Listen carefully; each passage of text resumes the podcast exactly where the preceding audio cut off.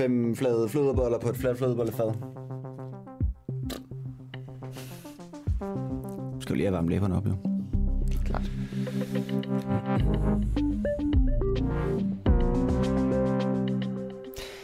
Laver drengene for meget ballade på Åvangsskolen på Bornholm?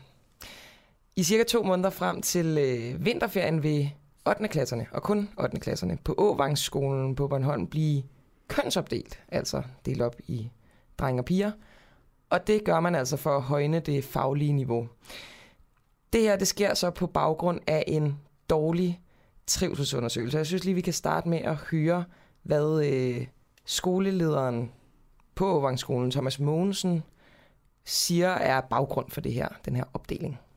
Jamen, det er egentlig en holddeling, som vi gør på rigtig mange årgange og med rigtig stor succes. Øh, vi, det, der er gældende her, det er egentlig, at vi har tre klasser, som vi i en kort periode øh, indtil vinterferien slår sammen til to, hvor vi kan give øh, nogle elever et øh, fagligt elevløft. Måske har også, nu er der især den her fokus på trivsel, så har du nogle flere lærerkræfter, nogle flere pædagoger omkring nogle klasser og giver nogle gode muligheder, som, som vi har gjort rigtig meget. Jamen, øh, det kunne jo være overvejelserne, at nogle gange øh, skal vi dele op øh, omkring faglighed, omkring interesser. Nu er det sådan her øh, kigget på nogle relationer, og det er helt tilfældigt været, øh, at vi har rykket op på dreng-pige. Øh, at vi har delt det sådan i, i den her kort periode. Nu har vi haft fokus der på det trivselsmæssige, og det er jo egentlig for at kigge på, er der nogle nye konstellationer? Vi kan jo se, at piger øh, arbejder meget sammen med piger i forvejen, og drenge med drenge. Måske være lidt nysgerrig på det, øh, og det er egentlig det, vi har, har tænkt at gøre. En øh, helt tilfældig opdeling, men som følge af mistrivsel på årgangen. Anne-Marie Kæpfner, du er mor til en elev på Åvangsskolen på Bornholm, der har indført den her kønsopdeling, kønsopdeling i undervisningen. Mistrives øh, børnene i din datters klasse, og godmorgen til dig. Og godmorgen. Altså, jeg har ikke det indtryk, at de mistrives overhovedet ikke. Altså, der er jo de, de, de diskussioner og tumult ting, der nu foregår i en 8. klasse, men jeg har det indtryk af, at de får det stoppet, og de hygger sig stadig på tværs af køn. Altså, så jeg kan ikke se problemet i den her. Så, så hvad, hvad kunne der ellers være, være i vejen i, øh, i 8. klasserne på din datters skole? Altså, jeg tror simpelthen, det er alt det, der sker i deres hverdag. Der er corona og hjemmeundervisning og nedlukninger omkring dem, og de bliver splittet fra deres venner. Og de vælger så at splitte dem yderligere, fordi der er altså mange, der har venner på tværs af køn, og på tværs af klasserne også. Og lige pludselig, så kan de ikke være sammen med dem i løbet af en dag. Jo, i frikvartererne, men i undervisning, så bliver de tvunget til at arbejde med nogen, som de slet ikke er vant til at være omkring. Øh, nu siger du, at øh, du, du tænker ikke, at det er på grund af, af hvad skal man sige, mistrivsel. Det er, mere, det er mere nogle eksterne faktorer, som for eksempel corona, men har du måske nogle, nogle konkrete eksempler hvor din datter har været altså, utryg, eller, eller haft det skidt i skolen, eller sådan? Hun har aldrig givet udtryk for, at det har været så slemt, som lærerne giver udtryk for. Altså, det er små ting. Øh, en eller anden har skubbet eller slået til en eller anden, og så Ja, og så har de sagt undskyld og alt sådan noget der, og så er det overstået. Og hun har heller ikke fortalt om, altså måske nogen, der ikke var hendes venner, men hvor hun har overværet et eller andet, eller i nogle andre klasser, eller... Altså, der er jo de der diskussioner, som der altid er. Altså, der er ikke sådan, at der er vold på skolen, nogen, der sviner hinanden til. Det er jokes, og de, hvad jeg kan forstå, så er de gode til at stoppe, når der bliver bedt om det. Så de trækker dem aldrig ud i langdrag, og hvor der er nogen, der ender med at blive ked af det. Den, har jeg, den indtryk har jeg aldrig haft. Det her det er jo øh, baseret på en trivselsundersøgelse. Skal, skal jeg forstå det sådan, at du, øhm, du forkaster den, eller, eller hvordan? Overhovedet ikke. Jeg synes bare, at måden, de reagerer på, er forkert. Altså, at det, de siger, at det er helt tilfældigt, at det er delt op i køn. Det kan det umuligt være. Tilfældigheder kan ikke lande sådan, så alle piger lander i en bunke, og alle drenge lander i en anden bunke. Okay. Ikke, altså...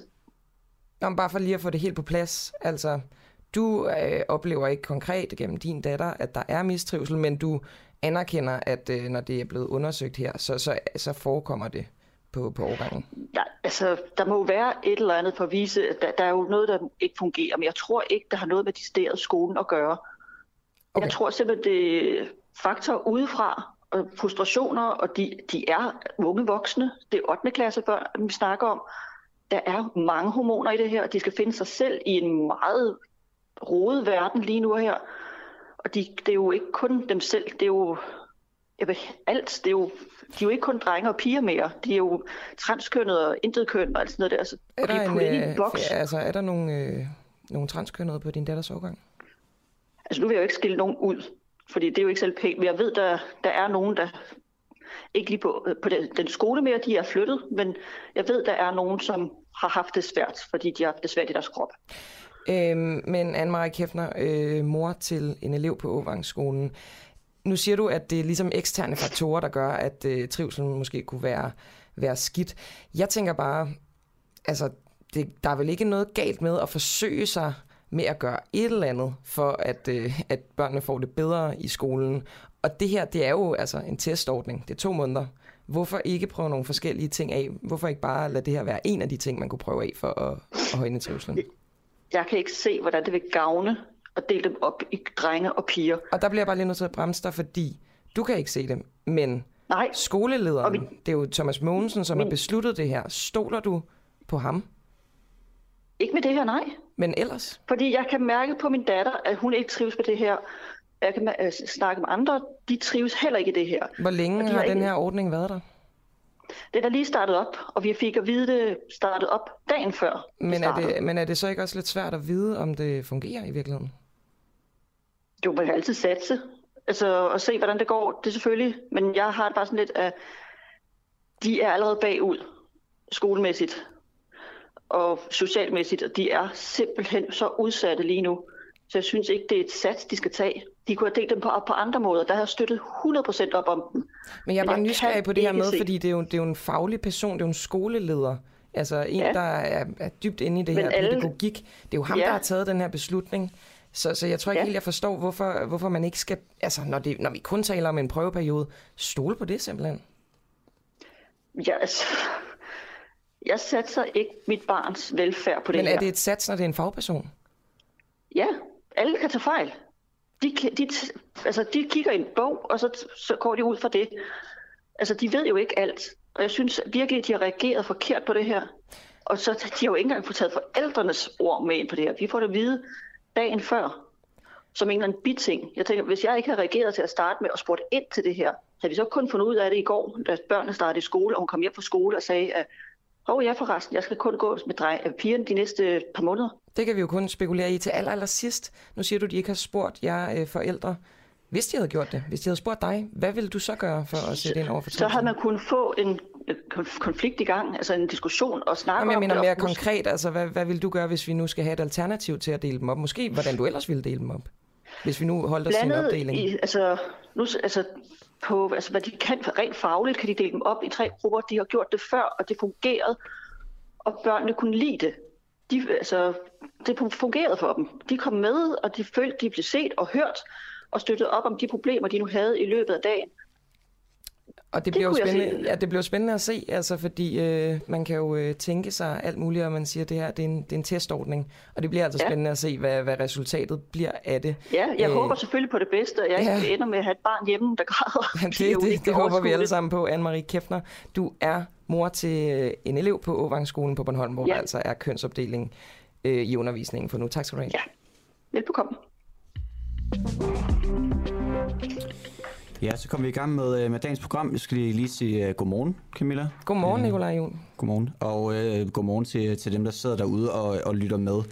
Nu havde vi jo lige et, uh, lige et interview med Anne-Marie Kempf, uh, Kempfner, undskyld, og uh, vedrørende kønsopdeling på, uh, på hendes, uh, hendes barns skole. Og hvis du sidder derude og, og har lyst til at blande dig i den her diskussion, så er du meget, meget velkommen til at skrive ind til os. Det uh, sker på, på Facebook i kommentarsporet under vores live liveudsendelse, og så sker det via uh, vores sms hvor du skriver DUAH til 1245 efterfulgt af din, øh, din besked. Meget gerne sådan øh, præcise spørgsmål til de kilder, vi har. Altså, dem vil jeg virkelig gerne stille videre. Det synes jeg er fedt. Ja, lige præcis. Øhm, senere i det her program i dag, der skal vi tale med øh, Thomas Utz, som er øh, Head of Sustainability for Danmarks mest forurenende virksomhed, nemlig Aalborg Portland.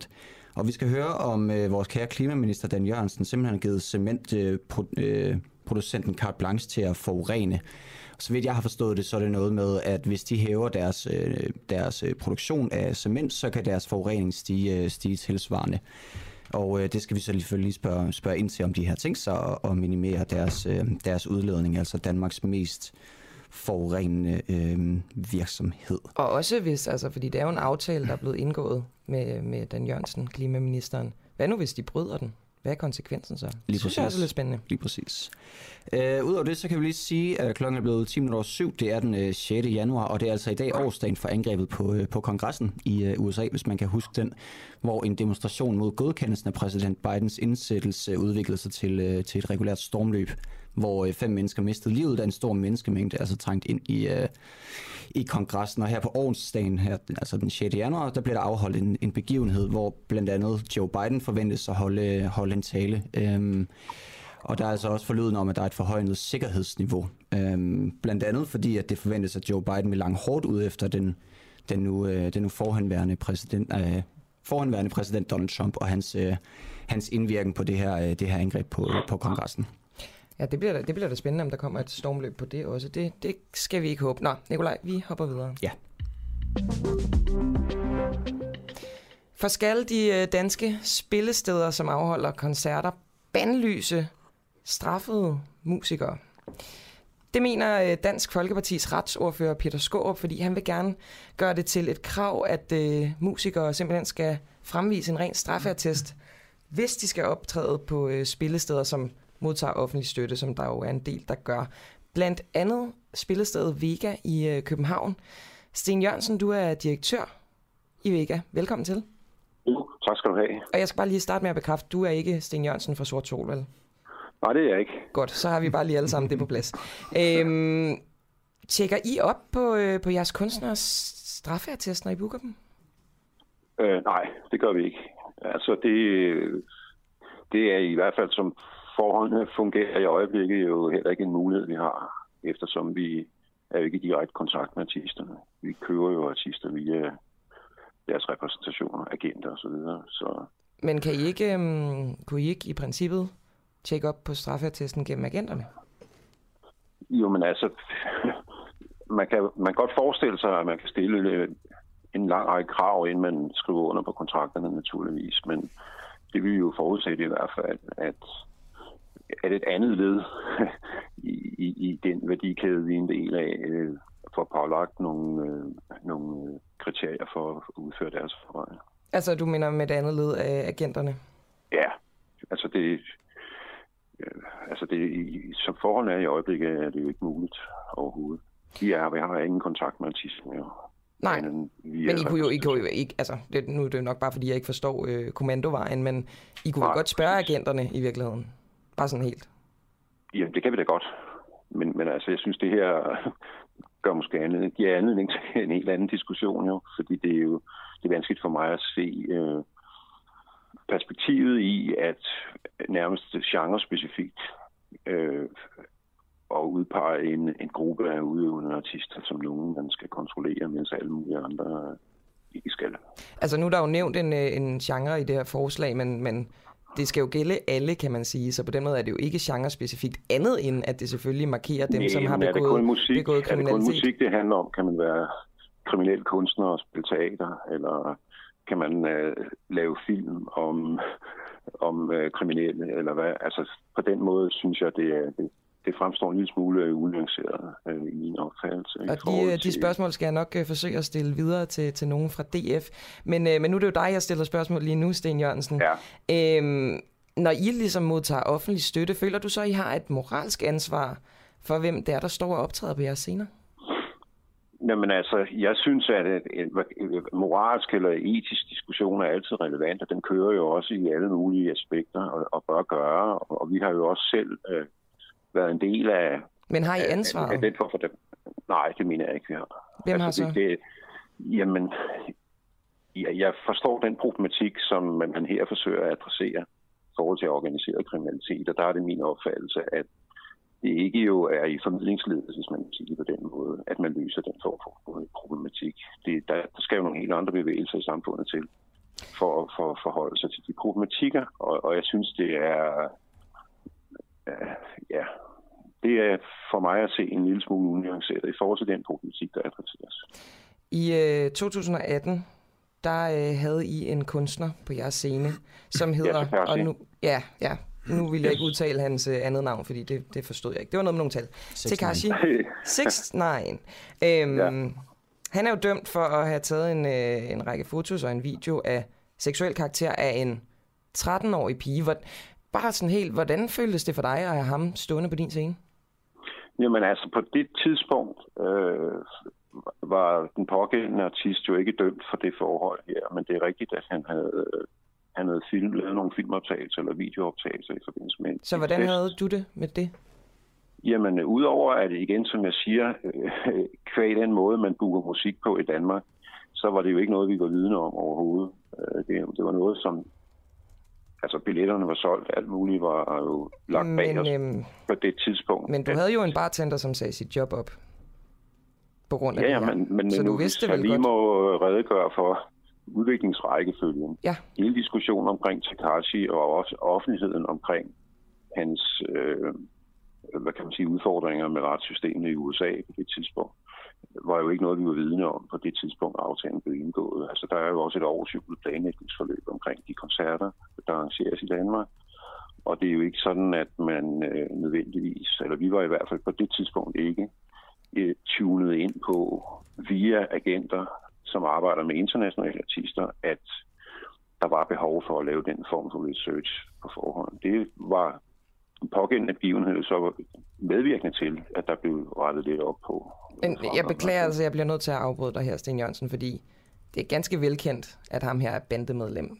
Så, altså, hvorfor så I ikke nogen grund til at tjekke op på ham? Altså, det, det er jo ikke, det er jo ikke sådan, Jamen altså, som jeg siger, vi var ikke vidne om den relation overhovedet. Nå nej, men I var vidne om, at han var, at, at han var bandemedlem, så, så kunne det måske være en idé at tjekke op. Jamen det, det blev vi jo, som sagt, da diskussionen opstod. Øh, min pointe er, at aftalen omkring den pågældende koncert var jo lavet længe inden, at vi havde den viden.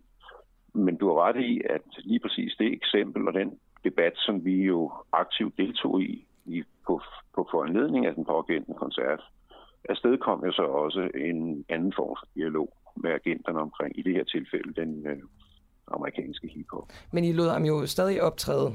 på det ja. Ja. tidspunkt, hvor, han optræder, altså, hvor koncerten finder sted, der ved I godt, at øh, han er sigtet for det her, ikke? Ja. Øhm, så, så hvorfor lagde I ham spille? Og så er jeg Jamen, lidt tilbage til mit første spørgsmål. Hvordan føltes det for dig at lade ham spille? Jo, men, men altså igen, jeg tager jo udgangspunkt i den formidlingsopgave, som vi har, og som jo også er det, der faktisk knytter sig til som forpligtelse med den offentlige støtte, vi får. Altså at bringe kunsten frem for det publikum, der efterspørger den. Og øh, altså, vi taler om koncerter, som har solgt 1.600 billetter, og på en eller anden måde var diskussionen jo først og fremmest på det tidspunkt, om vi havde en, en en opgave i, eller et ansvar i forhold til det publikum, der havde købt billetter. Og det er det, jeg mener. Altså, der knækkede filmen jo en lille smule for mig også på daværende tidspunkt. Fordi det er jo i, princippet også frataget fratage den enkelte øh, ansvaret for de egne dispositioner. Altså, at vi som formidlingsled skulle på en eller anden måde øh, påtage os en opdragende eller en øh, adviserende opgave i forhold til vores publikum. Men Det hvor går, hvor fald går grænsen så for jer, Sten Jørgensen? Altså, nu siger jeg bare mor. Vil, vil I have en mor, der er optrædende? Nå, men du kan jo ikke svare på andet, jeg kan sige, som jeg var i gang med i forhold til Takashi show i sin tid. Øh, jamen, altså, det afstedkom jo, at vi efterfølgende har haft en dialog øh, med de internationale agenturer, som vi samarbejder med, omkring nogle af de artister, som vi har fået tilbudt. Ikke? Og der har jo været der er mange, masser af eksempler i musikken på, at der er artister, der har haft, hvad kan man sige, øh, så rigtig svært ved at få jobs på baggrund af deres adfærd. Og det kan enten være inden for ja, alle mulige former for kriminalitet. Og jeg er da enig med, mig, med dig i, at vi havde svært ved at forestille os øh, en, øh, en nyløsladt øh, mor, der står på vores øh, scene. Det er klart. Altså, har I nogen retningslinjer? Man kunne godt, altså, det, nu lyder det som om, at I havde ikke rigtig fået tjekket op på, på ham her og sådan noget. Kunne Nej, det det er dig, der idé? fremstiller det på den.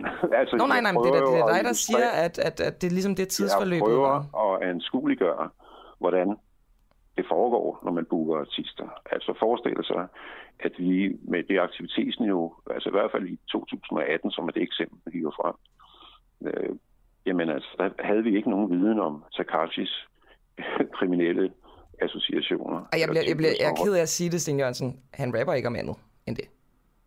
Hvad siger du? Han, han rapper ikke om andet end... end Nå nej, men det bringer mig jo tilbage til, hvad er, hvad er, hvad er kultur et udtryk for? Altså, der er jo ikke noget nyt i, at både kunst og kultur i, i al almindelighed er jo artisternes, kunstnernes, øh, hvad kan man sige, refleksion omkring øh, det liv, de lever. Men jeg er bare nysgerrig på, om, om I ikke... Altså, har I nogle procedurer for det?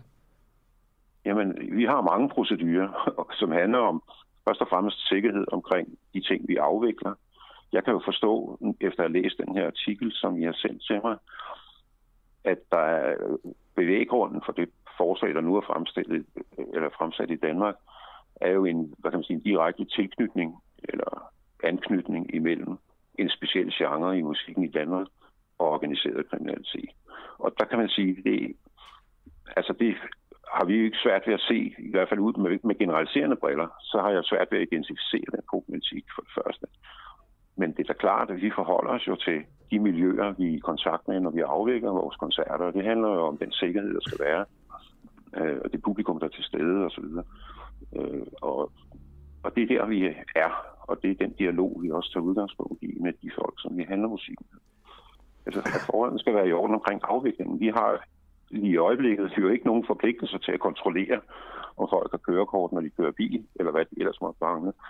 Øh, og jeg synes, det er en meget, meget, meget, hvad kan man sige, altså jeg, jeg er lidt udfordret af, at det her er en, eller skulle være meget nemt at håndtere at gå ind og sige, at artister inden for en speciel genre i musikken øh, skal dokumentere, at de har ren straffatest. Jeg, jeg bliver bare lige nødt til at sige, at det er jo ikke, altså forslaget er jo ikke genrebestemt. Det er jo, øh, det er jo altså, øh, strafferetsbestemt, kan man sige. Nu er det, nu er det eksemplificeret øh, Nu, men jeg stiller ved, ved en genre. Men, men du ved, spørgsmål er, er det, er det musikere generelt, eller er det og er det det lovede jeg da også, at jeg ville, øh, ville stille videre, så det behøver vi ikke øh, vende tilbage til. Til aller, aller sidst, jeg, jeg bliver simpelthen nødt til at spørge dig igen. Hvis du stod i en situation konkret, hvor at, øh, der er en eller anden grund står en, øh, en på din scene, en artist, som du finder ud af er morder, vil vedkommende få lov til at optræde? Nej, det har jeg svært ved at forestille mig. Tak for det, Sten Jørgensen, som altså er direktør øh, på spillestedet Vega i København. Ja, velkommen. Og så hopper vi videre. Tilbage faktisk på øh, Åvangsskolen. Har du noget, Nikolaj? Jamen det er bare, altså der er folk, der, der, der har sendt sms'er ind til os. Der er blandt andet uh, Lars Andersen fra Aarhus, der har skrevet til den nuværende samtale om straffe, uh, straffet og koncerter.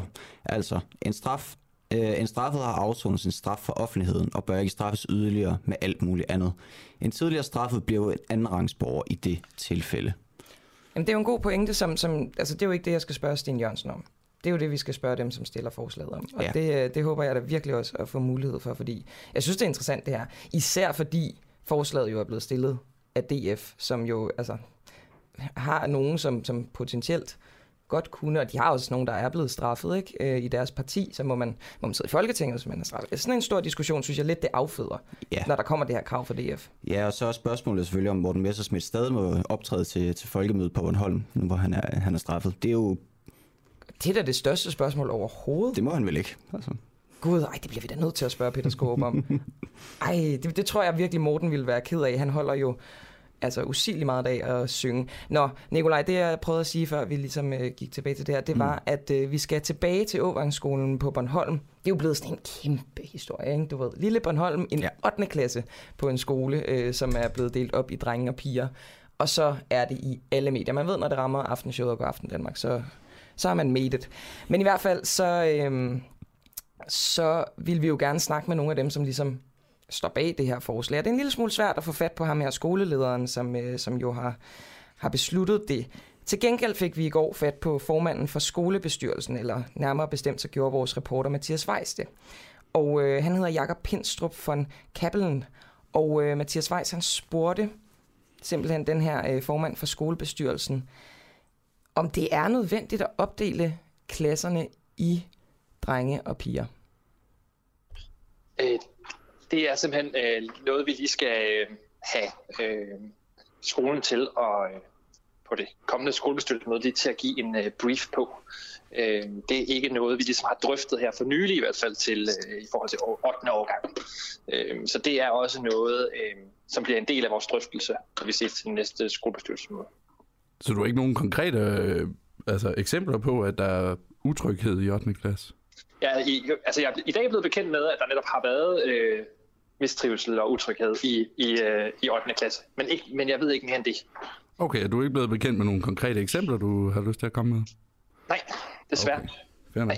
Hvad står der så i trivselsundersøgelsen? Det er jo den, der ligger til grund for, for det her. Ja, og den skal, også, øh, den skal vi også have, have, have drøftet i skolebestyrelsen og præsenteret øh, af skolens ledelse.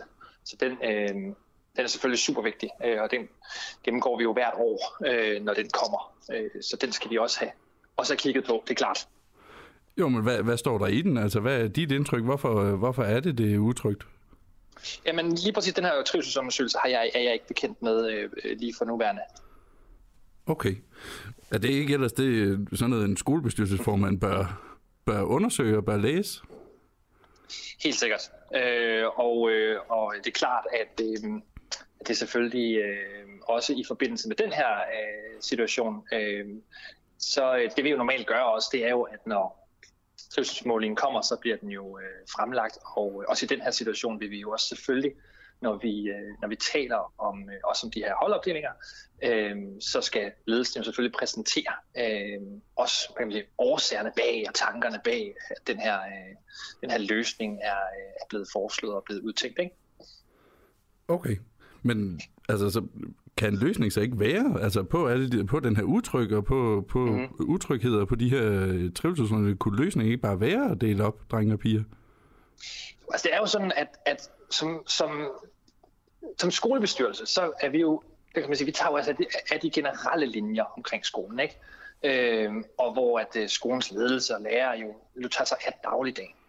Øh, og der kan man sige, at normalt, øh, når de her holdopdelinger foregår, så er det jo ikke noget, vi sådan på den måde behandler i, øh, i skolebestyrelsen, fordi så er det jo netop et valg, som der bliver truffet øh, om den hvilke, daglige hvilke andre, hvilke andre opdelinger har tidligere været lavet for at imødekomme sådan nogle trivselsundersøgelser? Jamen, altså, altså de, her, de her, øh, hvad kan man sige, øh, med holddelinger og hvordan klasserne fungerer og sådan noget, det er jo, det er jo sådan en, en, øh, en, en vurdering, der hele tiden bliver, bliver, bliver lavet af, af skolens ledelse øh, i forhold til, hvad der, hvad der fungerer bedst. Og der, der må man jo også bare sige, at der skal vi jo som skolebestyrelse jo også altid have respekt for, at det er skolens ledelse og lærere, som, som er dem, der er øh, eksperterne i undervisningen, og som er dem, altså, der ligesom er der, er der hver dag. Øh, det, det er vi super afhængige af. Så er det klart, at så er vi jo forældrerepræsentanter. Det er klart, vi er jo, vi er jo rigtig afhængige af at få viden om, hvordan dagligdagen fungerer. Vi er også i skolebestyrelsen rigtig afhængige af, at øh, hvis der er forældre, der er bekymrede, de henvender sig til os. Og, øh, det er selvfølgelig super, super vigtigt. Og så er det jo hele den, hvad kan man sige, den diskussion, der så skal være, øh, er jo så, jamen, mener vi som skolebestyrelse, at der er nogle generelle retningslinjer for for eksempel holddeling, som, som er, er nødvendige, at vi ligesom øh, diskuterer, øh, og, og, og, og som vi ligesom sætter for, øh, for skolen. Jo, men, har I, men det er ikke I... noget, vi har diskuteret her. Nej. Okay, men hvornår, øh, hvornår skal I så holde skolebestyrelsesmøde? Det har I vel planlagt i løbet af dagen? Ja, altså det er klart, at vi har jo et, et, et ordinært om nogle uger, men det siger jo sig selv, at øh, jeg har selvfølgelig øh, hvad hedder det, spurgt skolebestyrelsen om, om, øh, om vi ikke skulle indkalde til et ekstraordinært skolebestyrelsesmøde. Så der mangler jeg bare lige tilbagemeldinger fra, fra de andre om, hvad der er muligt. Og hvor, øh, hvad, hvad dato øh, indkalder du til det? Er det en gang i næste uge, eller... Ja, altså, nu, øh, nu er jeg, altså, jeg vil, jeg, jeg, jeg vil svare hurtigst muligt, ikke? Ja. hvad, hvad der nu er muligt, når vi er en, øh, en stor gruppe. Øh, jo, men det er jo ikke helt irrelevant, fordi mit næste spørgsmål er jo selvfølgelig, om, om altså, den her kønsopdeling kommer til at køre ind til I holder for skolebestyrelsesmøde næste gang. Mm. Det er klart, og derfor er vi jo super opmærksomme på det. Men det gør den? Øh, altså kønsopdelingen kommer til at køre ind til I øh, får taget en beslutning i bestyrelsen? Altså det, det her er jo et ledelsesmæssigt spørgsmål. Det er jo en ledelsesmæssig beslutning. Øh, vi skal som skolebestyrelse føre tilsyn med skolen og er afhængige af at få information om, øh, hvad, hvad skolen ligesom øh, foretager sig, er afhængige af, at forældre henvender sig i forhold til deres bekymringer. Og så kan vi stille spørgsmål til skolens ledelse, og de skal få lov til at forklare alle deres overvejelser og alt sådan noget. og så kan vi jo i skolebestyrelsen, og der skal vi jo blive enige, Jo. Og vi er jo forskellige, og så der skal vi jo snakke om, hvad er vores øh, holdning til sådan, sådan et generelt spørgsmål. Men, vi må, men vi, på, på den måde går vi ikke ind og blander os i sådan en konkret tilfælde øh, i, hvad man vil gøre i en præcis klasse. Men det kan blive et generelt spørgsmål. Ja, og det, og det, det er det generelle spørgsmål. Jeg er lidt stille ja. altså her. Altså, du, du er jo i alle mulige medier i dag, og I, I har ligesom mm. holdt øh, åben øh, skole, øh, hvad hedder sådan noget, forældremøde i øh, god aften Danmark i god aftes. Og øh, ja. altså, det er jo ikke irrelevant at spørge. Altså, nu, nu er Nej, det dagen derpå, det og i dag er der kønsopdeling, og det kommer der også til at være i morgen, og det kommer der også til at være på mandag. Ja, og ja. ved du hvad, jeg er fuldstændig enig, og det er jo simpelthen derfor, at vi har en skolebestyrelse og har forældrerepræsentanter. Øh, fordi den her debat skal vi jo selvfølgelig have. Og vi skal sørge for, at vi får lyttet til hinanden, og vi skal også sørge for, at de forskellige holdninger, vi har, øh, og vi, vi skal jo lytte rigtig meget til skolens øh, argumenter for det, og så, og så skal vi jo også sige, vi kan jo også være uenige internt. Vi har jo også børn på forskellige overgange. Vores syn kan være forskelligt, og det er jo rigtig vigtigt, at vi også kan udfordre hinanden. Og så vil jeg sige, helt principielt, så det her er jo også et spørgsmål for, hvor går der nogle grænser, som måske tidligere vi ikke har været opmærksom på i forhold til holddelinger. Det skal man jo være opmærksom på her. Det, er, det er jo det egentlig, det egentlig, det handler om. Det er at sige, jamen, øh, der er truffet nogle beslutninger i forhold til nogle, nogle trivselsmæssige ting og nogle sociale ting og sådan noget. Det er jo rigtig, rigtig fint. Er der nogle andre grænser i forhold til, hvordan man kan holdopdele, som vi skal være opmærksom på, og som skolebestyrelse? Okay, og det kommer I til at have på et ekstraordinært møde, som forhåbentlig er så snart som muligt. Men du har ikke lyst til at melde ud, hvornår I kommer til at holde det møde? Øh, jeg ved det desværre ikke. Men, okay. men, men lige så snart, at, øh, at, at jeg begynder at få nogle tilbagemeldinger, hvor hurtigt det kan foregå, øh, så skal vi jo have det møde. Hmm. Ja, således altså øh, bestyrelsesformanden på øh, Åvangsskolen på Bornholm. Og øh, vi bliver jo selvfølgelig, Nikolaj, ved med at øh, forsøge at få hvad skal man sige, sagens hovedperson, altså skolelederen, der har taget den her beslutning om kønsopdeling øh, med. Men han har altså ikke lige været til at få fat på, så vidt jeg kunne se, heller ikke så meget fra andre medier. Nej. Så vi bliver ved, altså det er jo det privilegiet som journalist, at man bare kan blive ved med at ringe og ringe og ringe, fordi man har carte blanche til at være røvirriterende for at sige det lige ud. Øhm, nu har vi ringet til en, som øh, forhåbentlig ikke synes, at vi er røvirriterende. Hun hedder Josefine Fock. Godmorgen. Godmorgen, godmorgen. godmorgen. Du er jo, Nej, jeg øh, glæder mig altid til at snakke med jer. Ja, men og i lige måde, Josefine. Nu skal du høre, vi, øh, du, er jo, øh, du er jo vært på vores eftermiddagsprogram Ring, hvis jeg tager fejl. Øhm, det er rigtigt. Som sender mellem 16 og 18 øh, senere i dag. Øhm, hvad, øh, hvad er dagens påstand, Josefine?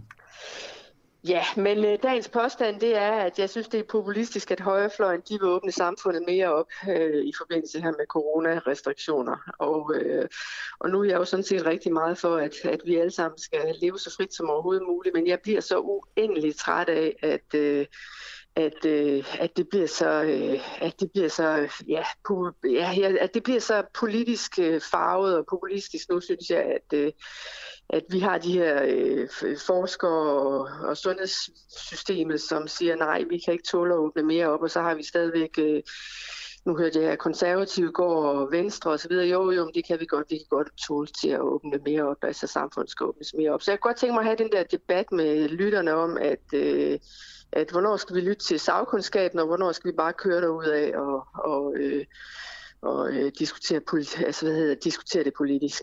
Altså, så du savner tal, tal, tal, tal? Ja, men jeg savner, jeg savner noget saglighed i den der debat. Jeg er så irriteret over... Hvad er saglighed? Det synes jeg virkelig er sådan en politiker. Ja, ja, men det er det nok også. Ja. Nej, jamen jeg savner bare, at... Øh, altså, jeg synes, det er irriterende, at øh, lige så snart, at... Øh, at øh, Altså nu, nu kører det med omikron, ikke? og det kører på fuldstændig høje navler, og alle bliver smittet. Øh, der er rigtig, rigtig mange, der bliver smittet, ikke? Og, øh, og, så, og så nu er der en, øh, nu er der en nedlukning desværre for kulturlivet, særligt her øh, frem til, jeg mener det er 17. januar. Og øh, så lad nu det køre, og lad os være lukket ind til det, og så, øh, øh, og så se på, hvordan tallene ser ud. Det. Vi har ikke fået tallene fra, fra, jul, fra julen endnu. Altså, og jeg er bare så irriteret over, lige så snart der er altså, jeg, jeg, ja, men det er død, måske er det bare virkeligheden, fordi jeg er dødssyg, dødtræt af at diskutere corona igen og igen og igen. Mm, men, det men det er unægteligt uh, en elefant i rummet, der konstant bliver, bliver påtalt, uh, Josefine. Så det er vel ja. okay, at man hele tiden sådan, altså, diskutere corona, fordi der også hele tiden altså, sker meget. Ja, men det er også fuldstændig rigtigt, og, og, og, og jeg er øh, ved Gud ikke til, at vi skal lukke ned hele tiden, men jeg, men jeg bliver også irriteret over, at, at, øh, at så snart at øh, tallene så... Øh, øh, hvad hedder det, at, at øh, jamen, jeg bliver irriteret over, at, vi, øh, at politikerne er så øh, hurtige til at, at slå ned på hinanden i forhold til det, de lige har vedtaget. Jeg tror måske dybest set, det er det. Altså, vi har et epidemiudvalg siden nu, som er bredt repræsenteret i Folketinget, som har besluttet, at der skal være de her restriktioner. Og så diskuterer man det alligevel igen og igen og igen, øh, når, når de har truffet en beslutning. Godt. Ved du, Josefine, vi, øh, vi glæder os til at, til at uh, lytterne debatterer med dig senere i dag. Uh, tak fordi du lige kort var med her i, uh, i Nu Afhængig Morgen. Jamen, det var så lidt, og kan I have en god morgen fortsat? Jo, tak. Vi prøver. Det er godt, du. Hej. Jeg skal lige hurtigt nævne i forhold til det, jeg sagde med Morten Messersmith og Folkemødet. Nej, jeg, jeg taler ikke om Melder Fællessagen, fordi der er han jo selvfølgelig ikke, den er han selvfølgelig ikke blevet straffet for. Men til gengæld så har Morten Messersmith en uh, racismedom tilbage fra 2002. Så kan man selvfølgelig diskutere, hvor, hvor, hvor udløbsdatoen er osv. Det, det er bare lige vigtigt at nævne, fordi der er mange, der, der, der skriver ind i forhold til, til lige altså, præcis hvis det her. han har en gammel dom, så går han vel ind under øh, tidligere kriminel, ja. øh, som jo er dem, som ikke må optræde på spillesteder, der får offentlige øh, støttekroner, ifølge i hvert fald øh, Peter Skårup fra øh, Dansk Folkeparti. Og vi bliver ved Dansk Folkeparti, fordi vi kører sådan et tema, Nikolaj. Ja, det gør vi nemlig. Vi skal nemlig finde ud af, hvem der er Dansk Folkepartis øh, store, øh, store frelser. Næste formand øh, nærmere bestemt. Jeg kan godt lide, at du siger store frelser. Det er øh, meget sådan patosagtigt. øhm, fordi det går jo... Øh, Altså, jeg ved ikke, om det er for meget. Det synes jeg også, de selv siger. Ikke? Lidt af Hækkenfeldt til i Dansk Folkeparti, i hvert fald også, hvis man kigger på øh, seneste valg og meningsmålinger osv. Og, og øh, nu er det jo sådan, at øh, Christian Thulsen Dahl, han øh, går af, og, øh, og derfor så øh, skal der findes en ny formand. Og der er pt. fire kandidater. I dag er det torsdag, i morgen er det fredag, og det er altså også udløbsdagen for, at man kan øh, melde sig på banen, så det peger jo på, at vi bliver på de her fire. Og de hedder Martin Henriksen, ham snakkede vi med i mandags. Marete Dea Larsen, hende snakkede vi med i tirsdags. Morten Messersmith snakkede vi med i går. Og i dag skulle vi i hvert fald have snakket med Erik Høgh Sørensen. Nu får jeg så lige at vide af min producer, at, øh, at vi ikke lige kan få fat på ham. No. Så øh, jeg tænker, at øh, vi måske lige går videre til noget andet, eller måske sætter en lille plingeling på. Ved du hvad? Det gør jeg, Nikolaj nu til den uafhængige, Danmarks måske mest kritiske, nysgerrige og levende radio. Hvis du har en god idé til en historie, så skriv til os på Facebook eller send os en mail. Adressen finder du på hjemmesiden.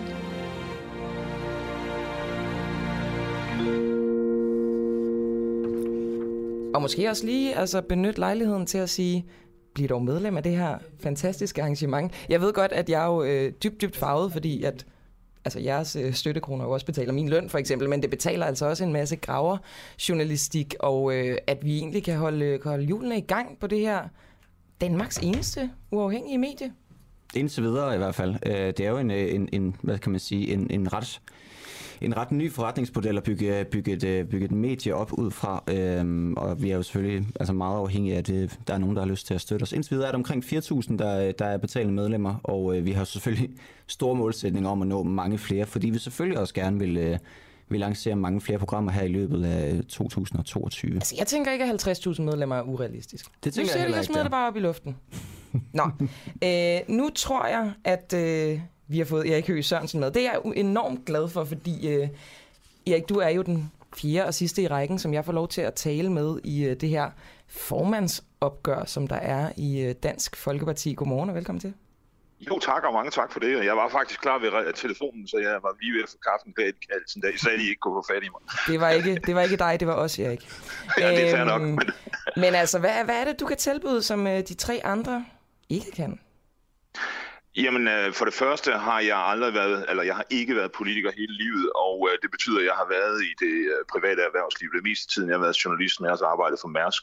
Så jeg har en helt anden tilgang, øh, og en meget løsningsorienteret tilgang, og så vil jeg stå for en, han er sagt, næsten liberal linje. Nu er det lidt et fyreord i Dansk Folkeparti, men jeg mener ikke, vi kan opbære vores velfærdssamfund, hvis ikke vi har et konkurrencedygtigt dansk erhvervsliv, fordi det, det er der, provenyet kommer fra.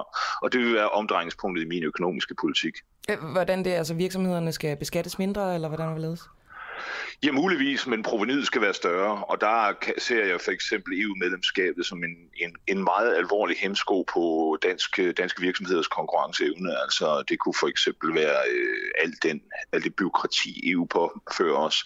Det kunne være den kendskærning, at vi netto bidrager yder til EU, og de penge kunne vi jo godt bruge øh, herhjemme til vores øh, skræntende sygehuse, osv. osv. Og det lyder jo som noget, øh, som de andre formandskandidater i mindste godt kunne øh, være enige med dig i det her med det tror jeg helt klart. Jeg helt klart, men, men, men altså, det der altså. Nå, jo, jo, men altså, så siger du, du, du har en mere liberalistisk øh, tilgang. Er det, er det det eneste, der, der skiller dig fra de andre?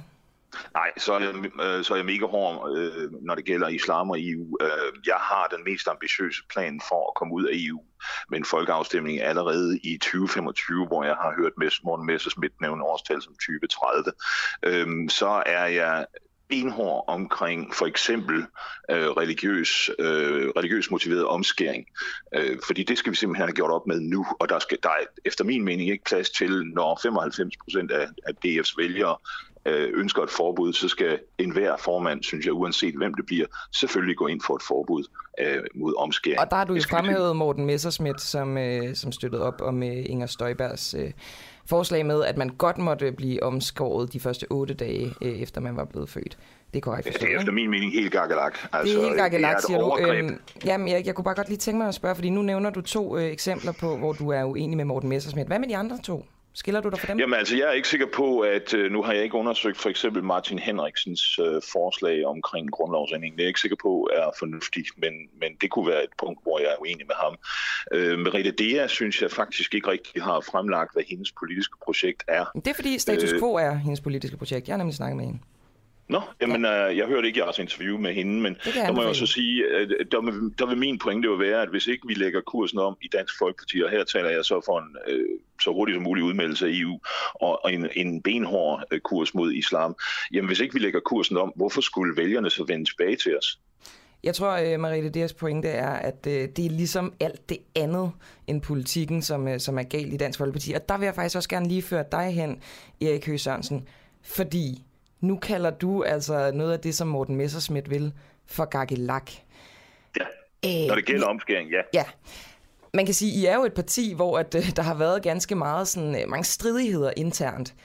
Hvordan vil ja. du samle partiet? Nu, nu kalder du øh, en af folketingsmedlemmerne for, øh, ikke decideret gakkelak, men hans forslag i hvert fald gakkelak.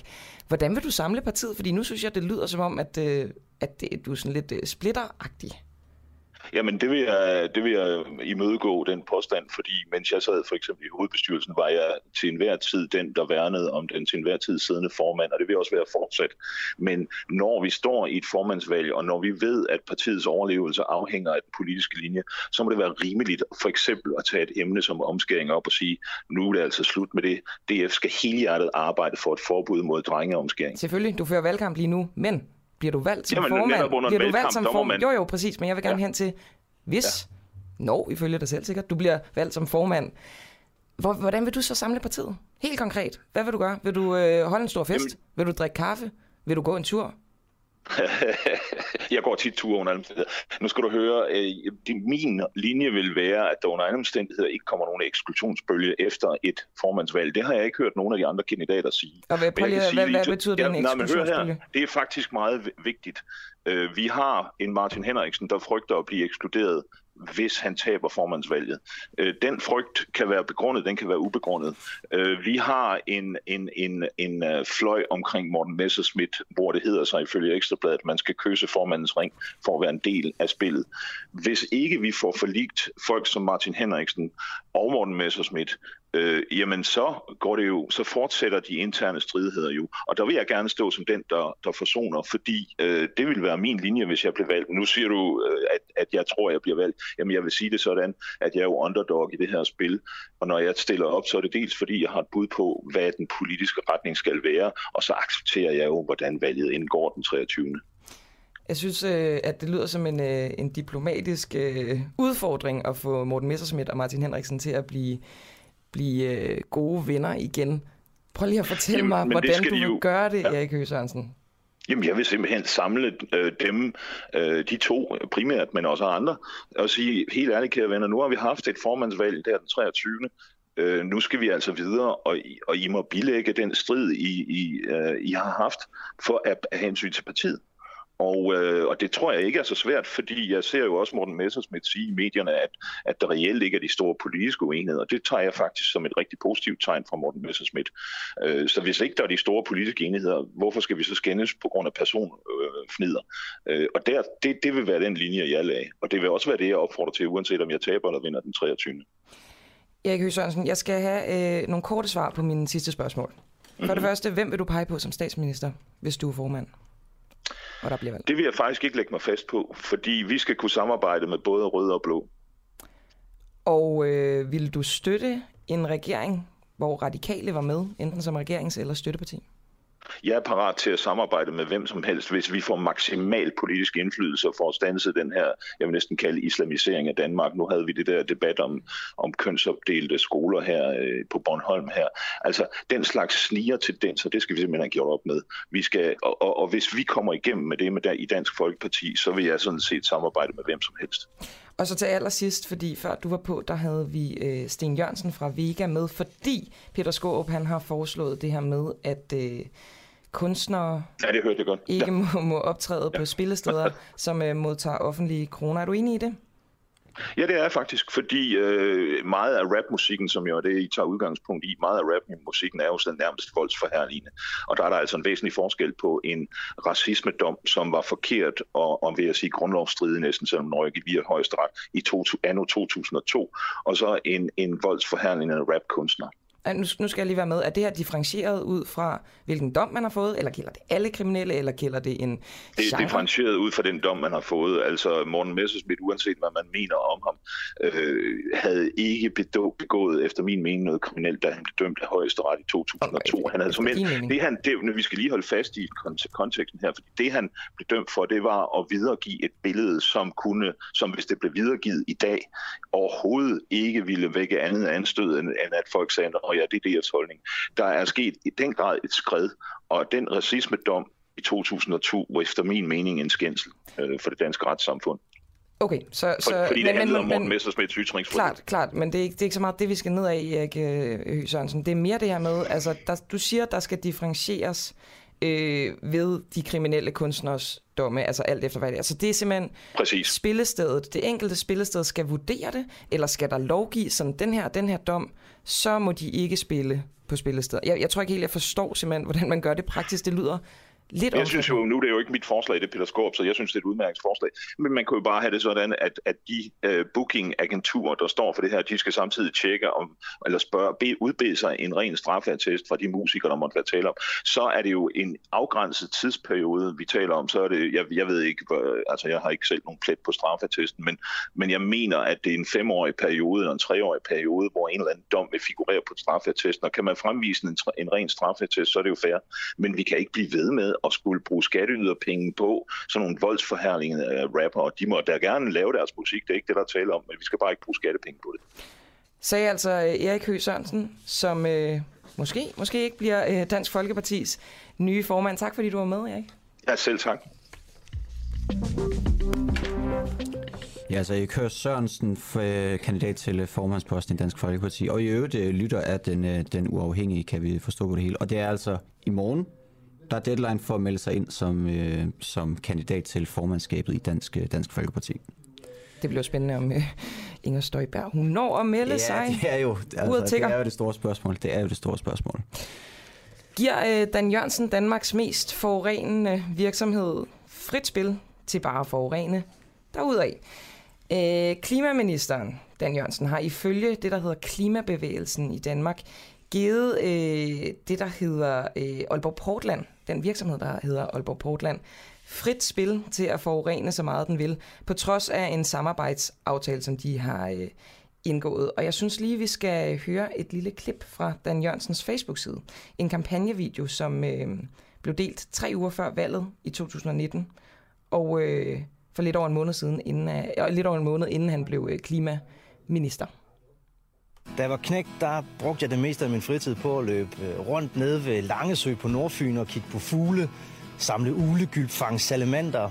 Den interesse, kærligheden til naturen, den har fulgt mig lige siden. Det var det, der gjorde, at jeg meldte mig ind i Socialdemokratiet. Det var det, der gjorde, at jeg kom tæt på Svend Augen, som blev min meget øh, gode ven. Det er Svends ånd, som jeg og gode kollegaer forsøger at føre videre. Danmark skal igen være en grøn stormagt. Vi skal passe på vores grundvand. Vi skal passe på vores natur. Vi skal sikre, at vi får bekæmpet klimaforandringer. Vi kan kun løse miljøproblemerne i fællesskab. Okay, jeg, jeg tror faktisk, vi har forstået pointen, Nicolaj. Jeg er ked af, at jeg afbryder så, så bræt, men altså, det, det var meget det samme med noget ulegylp og sådan noget. Øh, Dan Jørgensen elsker sørme naturen. det er spørgsmålet om uh, Thomas Ut, som er Head of uh, Sustainability hos Aalborg Portland, også gør det. Godmorgen til dig, Thomas. Godmorgen. Kan I nøjes med at uh, reducere jeres uh, CO2-udledning med 660.000 tons, selvom I frem mod uh, 2030 producerer for eksempel dobbelt så meget cement og dermed fordobler jeres udledning af CO2? Altså hvis vi fordobler vores, øh, vores produktion øh, fra i dag og frem til 2030, så, så kan det ikke lade sig gøre at, og, øh, og reducere med 660.000. Og så bryder I jo så den aftale, som I har lavet med Dan Jørgensen. Er det korrekt forstået? Øh, nej, det, det er det ikke. Øh, I er ikke de første, der stiller det her spørgsmål. Øh, kan sige. Ministeren har fået et lignende spørgsmål for et par år siden. Øh, og der står der øh, i, i, den, øh, i det svar, som ministeren giver, at Aalborg Portlands udledninger i 2030 vil være øh, afhængige af udviklingen i deres samlede produktion. Hvis Aalborg Portlands produktion går op, vil deres CO2-reduktion derfor blive mindre. Øh, omvendt vil CO2-reduktionen blive større, hvis produktionen går ned. Ja, altså, du må meget undskylde, Thomas, men jeg har siddet ja. med den her historie i går, og mm. jeg har faktisk svært ved at forstå den her aftale. Øhm, ja. I har ligesom øh, en, en vis mængde CO2, som I har udledt, da man så laver den her aftale med Dan Jørgensen. Og så skralder man, altså så måler man ligesom 30 procent af det, og det bliver så målsætningen for jeres reduktion. Er det korrekt forstået? Ja, altså, det, det som vi øh, som, som aftalen handler om, det var, at vores ambition på det tidspunkt, øh, det er sådan set den samme ambition, vi har nu, det var, at vi ville reducere med 30 procent per tons øh, cement og hvis man så omregnede det til den produktion, vi havde på daværende tidspunkt, så ville det svare til en øh, reduktion på i alt 660.000 tons CO2. Så I skal både reducere med 660.000 tons, og så også 30 procent af hver øh, hvad skal man sige, enhed cement, som I producerer fra nu af? Nej, altså øh, når, man, når, når, når, vi, når vi laver en reduktion på 30% per ton cement, så omregnet, så vil det svare til 660.000 tons. Så det er det, som det, det handler om. Og så øh, hvis, hvis man tager jeres uh, tal i 2020, og så minuser det med 660.000 tons, så ender I jo simpelthen på det samme tal, som I havde i 1990. Er det korrekt forstået? Øh, det svarer cirka til det, vi havde i 1990, så det er jo klart, okay. fordi vi har en, en, øh, i dag en, en, en betydeligt større produktion, end det vi havde i 1990. Og øh, i 1990, der øh, lavede man jo et øh, mål om, at øh, der skulle reduceres med 70 procent. Men hvis I ligesom når tilbage til det, så er det jo de facto, altså, så skal I jo slet ikke reducere noget. Ja, altså det, der er jo sket ret meget. Altså, øh, siden, ja eller nej, har jeg ret i det? Øh, ja, det har du ret i. Okay. Altså, men øh, jeg vil egentlig bare supplere med, med en kommentar om, at, at siden 1990, der er aktiviteten i byggeriet steget med en faktor 3, altså nærmest 300 procent. Man har, har meget mere aktivitet, bygger meget mere, end man gjorde på det tidspunkt. Så man kan sige, at vores øgede produktion siden dengang handler jo sådan set om at kunne levere cement til, til den, den aktivitet, der er i, i den danske byggebranche. Hvis I bryder den her aftale, I har med Dan Jørgensen, hvad sker der så? Øh, jamen, vi kommer ikke til at bryde den her aftale, som vi har med Dan Jørgensen. Vi, vi øh, arbejder stadigvæk på at reducere med øh, 30 procent per ton cement. Men som der så også står i øh, ministerens svar, da, da han fik et spørgsmål omkring aftalen, så kan der selvfølgelig være nogle variationer, hvis det er, at vi enten producerer mere eller mindre. Og det ved vi ikke på nuværende tidspunkt. Altså, vi ved ikke, hvordan udviklingen vil være i forhold til, om der vil være en større eller en mindre efterspørgsel i 2030 end i dag. Jeg forstår ikke, hvordan man kan lave en aftale øhm, med et krav, og så er der ikke nogen konsekvenser, hvis man ikke efterkommer det krav. Det er i hvert fald en lækker aftale, synes jeg. Ja, det her det er, jo en, det er jo en samarbejdsaftale. Øh, det, der også ligger i den her aftale, det er jo, at vi, vi skal prøve at kigge på, på yderligere reduktioner, øh, hvis, det, hvis det bliver muligt. Øh, det kan eksempelvis være, hvis, øh, hvis der bliver øh, tilgængelig øh, og konkurrencedygtig biogas tilgængelig. Øh, det er et CO2-neutralt brændsel, som kunne være meget relevant for vores vedkommende. En anden ting, som kan blive aktuelt, det er at fange CO2'en og, og lære den. Og det øh, er noget, som vi kigger øh, rigtig meget på, øh, og der blev indgået en politisk aftale om det lige inden jul. Øh, og, øh, og det kan give også nogle muligheder for at, at hente yderligere reduktioner.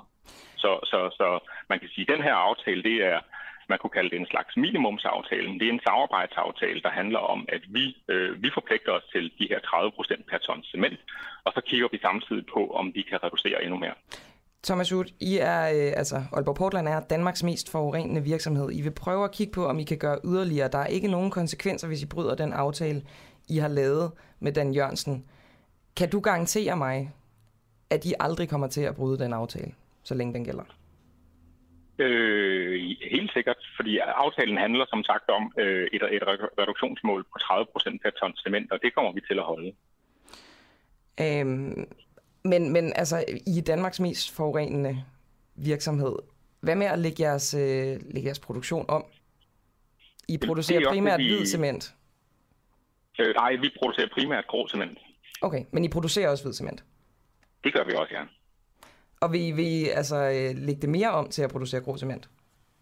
Øh, det kan godt, altså hvis, hvis, hvis, hvis, hvis, hvis der er en efterspørgsel efter, efter grå cement, fordi man bygger mere i Danmark, jamen så kan det godt være, at vi kommer til at producere mere grå cement. Men, men, men uanset hvad, du, du spørger om, vi er i gang med at omstille, og vi er absolut i fuld gang med at omstille. Øh, og det er jo derfor, vi også kan indgå sådan en aftale her, og vi kan reducere med 30 procent per ton cement. Så, så, så vi, vi kommer ikke til at bryde nogen aftaler, og vi er i gang med at omstille vores produktion. Kommer efter, efterspørgsel til at styre, hvor meget, øh, hvor meget I vil reducere? Øh, jamen, det kan godt gå hen og blive sådan. Altså, øh, altså det er jo klart, at hvis, hvis, hvis man bygger rigtig meget i Danmark, og der er behov for cement, så er der jo to muligheder. Enten så skal vi øh, producere noget mere, eller også så skal man importere, og så vil man udlede CO2 i udlandet. Øh, så, så, så man kan sige, aktiviteten i byggebranchen er jo ret afhængig af, øh, hvor meget cement der skal bruges. Jeg, øh, jeg så en måling i går, hvor at, øh, at jeg kunne se, at i forhold til andre cementvirksomheder, så, øh, så forurener I ganske meget. Hvordan kan det være? Øh, vi ligger cirka gennemsnitligt, når vi sammenligner med europæiske konkurrenter. Så, så vi er ikke... Vi er ikke Men ikke hvis vi, altså, hvis vi går ud over Europa, så gør I ikke, så ligger I højt. Øh, det er jeg ikke bekendt med. Vi, vi sammenligner os med europæiske øh, producenter, fordi det, det er et sammenligneligt grundlag. Cement er ikke cement. Der er meget stor forskel på, hvordan man producerer cement i øh, Sydamerika eller Asien, og hvordan man gør det i Europa. Så, så vi sammenligner med vores europæiske konkurrenter, og der ved vi, at der ligger vi øh, hvad hedder, gennemsnitligt. Thomas Ud, jeg vil gerne lige til sidst gå tilbage til det her med, at du jo siger, at du vil garantere, at I ikke bryder aftalen. Hvordan kan du ja. garantere det, hvis øh, du siger, at jeres produktion stiger? Øh, fordi aftalen handler om øh, hvad man siger, en reduktion per øh, produceret enhed, altså per ton cement. Altså, og der har vi en, en, en, en klar køreplan, der siger, hvordan vi, vi, vi realiserer det. Vi har et øh, spørgsmål fra en lytter, Thomas, hvis jeg lige må altså, øh, holde lidt på dig endnu. Ja. Øhm, Portland er begyndt at importere cementklinker, som jeg forstår det, er halvfabrikata, hvor det store energiforbrug er sket i udlandet. Kan Portland øh, forklare importen af cementklinker? Spørger Lars om. Øh, jamen altså, hvis det er, at vi hvad man sige, oplever en stor efterspørgsel, og, og, og vi ikke selv har mulighed for at, at producere de mængder, øh, så, så er det jo en mulighed at, at gøre det. Også selvom det forurener af Pommern til? Øh, ja, altså problemet er jo, eller udfordringen er jo, hvis der er der en stor efterspørgsel. Lige nu her, der er der en kæmpe aktivitet i byggebranchen, og der er meget, meget stor efterspørgsel efter cement. Øh, så hvad man sige, hvis man ikke producerer det ene sted, så producerer man det det andet sted. Thomas Ud, øh, du er Head of Sustainability hos øh, Aalborg Portland. Jeg vil ikke øh, holde mere på dig, for jeg ved, du har en bagkant, men tak fordi du var med. Selv tak.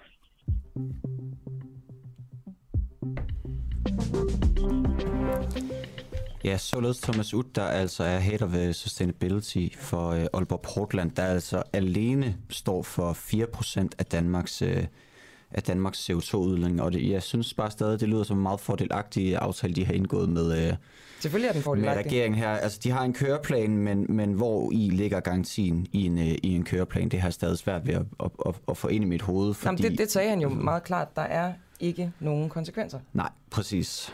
Skulle de bryde aftalen. Godt, Nikolaj. Øh, klokken er ved at nærme sig 8, så vi skal videre Ja. til udlandet. Vi skal til øh, Kazakhstan, hvor der er noget, som, hvad skal man sige, jeg vil ikke kalde det en revolution, men det kunne godt altså, ligne noget, der lignede en, øh, en revolution. Ja, altså der er i hvert fald små, måske små spædeskridt til en begyndelse af en, øh, af en revolution, fordi i går fandt der altså omfattende urolighed og stormløb imod regeringsbygninger flere steder i, eller i, i øh, Kazakhstans største by, Almaty, som tror jeg det, øh, det udtales. Øhm, og hvad man kan sige, sådan, altså, at, at, at det er måske lidt med en, en, en begyndende tendens flere, øh, flere steder i verden, at, at øh, man ser større utilfredshed, og folk, øh, og utilfredshed, og folk er ikke blege for at gå på gaden. Vi kan blandt andet lige huske de, de gule veste i, øh, i Frankrig, der, øh, der gik på gaden i forhold til stigende, stigende benzinpriser. Ja, det var de øh, ganske rasende over. Jeg tror nok, at vi har øh, Flemming Spidsbol med lidt senere til at fortælle om øh, situationen i Kazakhstan. Har jeg ret i det? Ja, det tror jeg, du har, det tror jeg nemlig, du har fuldstændig ret i. Jamen, øh, skal vi så ikke bare gå videre til et, øh, et lille nyhedsoverblik? Eller måske bare Jo, en jeg, kan nyhed, lige, øh, Nikolaj? jeg, har en, øh, jeg har en ret, sjov, en ret sjov nyhed. Det er nemlig fordi øh, overskriften lyder, Google Maps billede hjælper i jagten på det flygtede mafia-medlem. Og det er altså øh, nyhedsmagasinet eller nyhedsbyrået Reuters, der i går kunne fortælle, at italiensk politi har fanget flygtet øh, mafiamedlem, som har været på flugt i næsten 20 år. Og det har de altså gjort via Google Maps øh, Street View.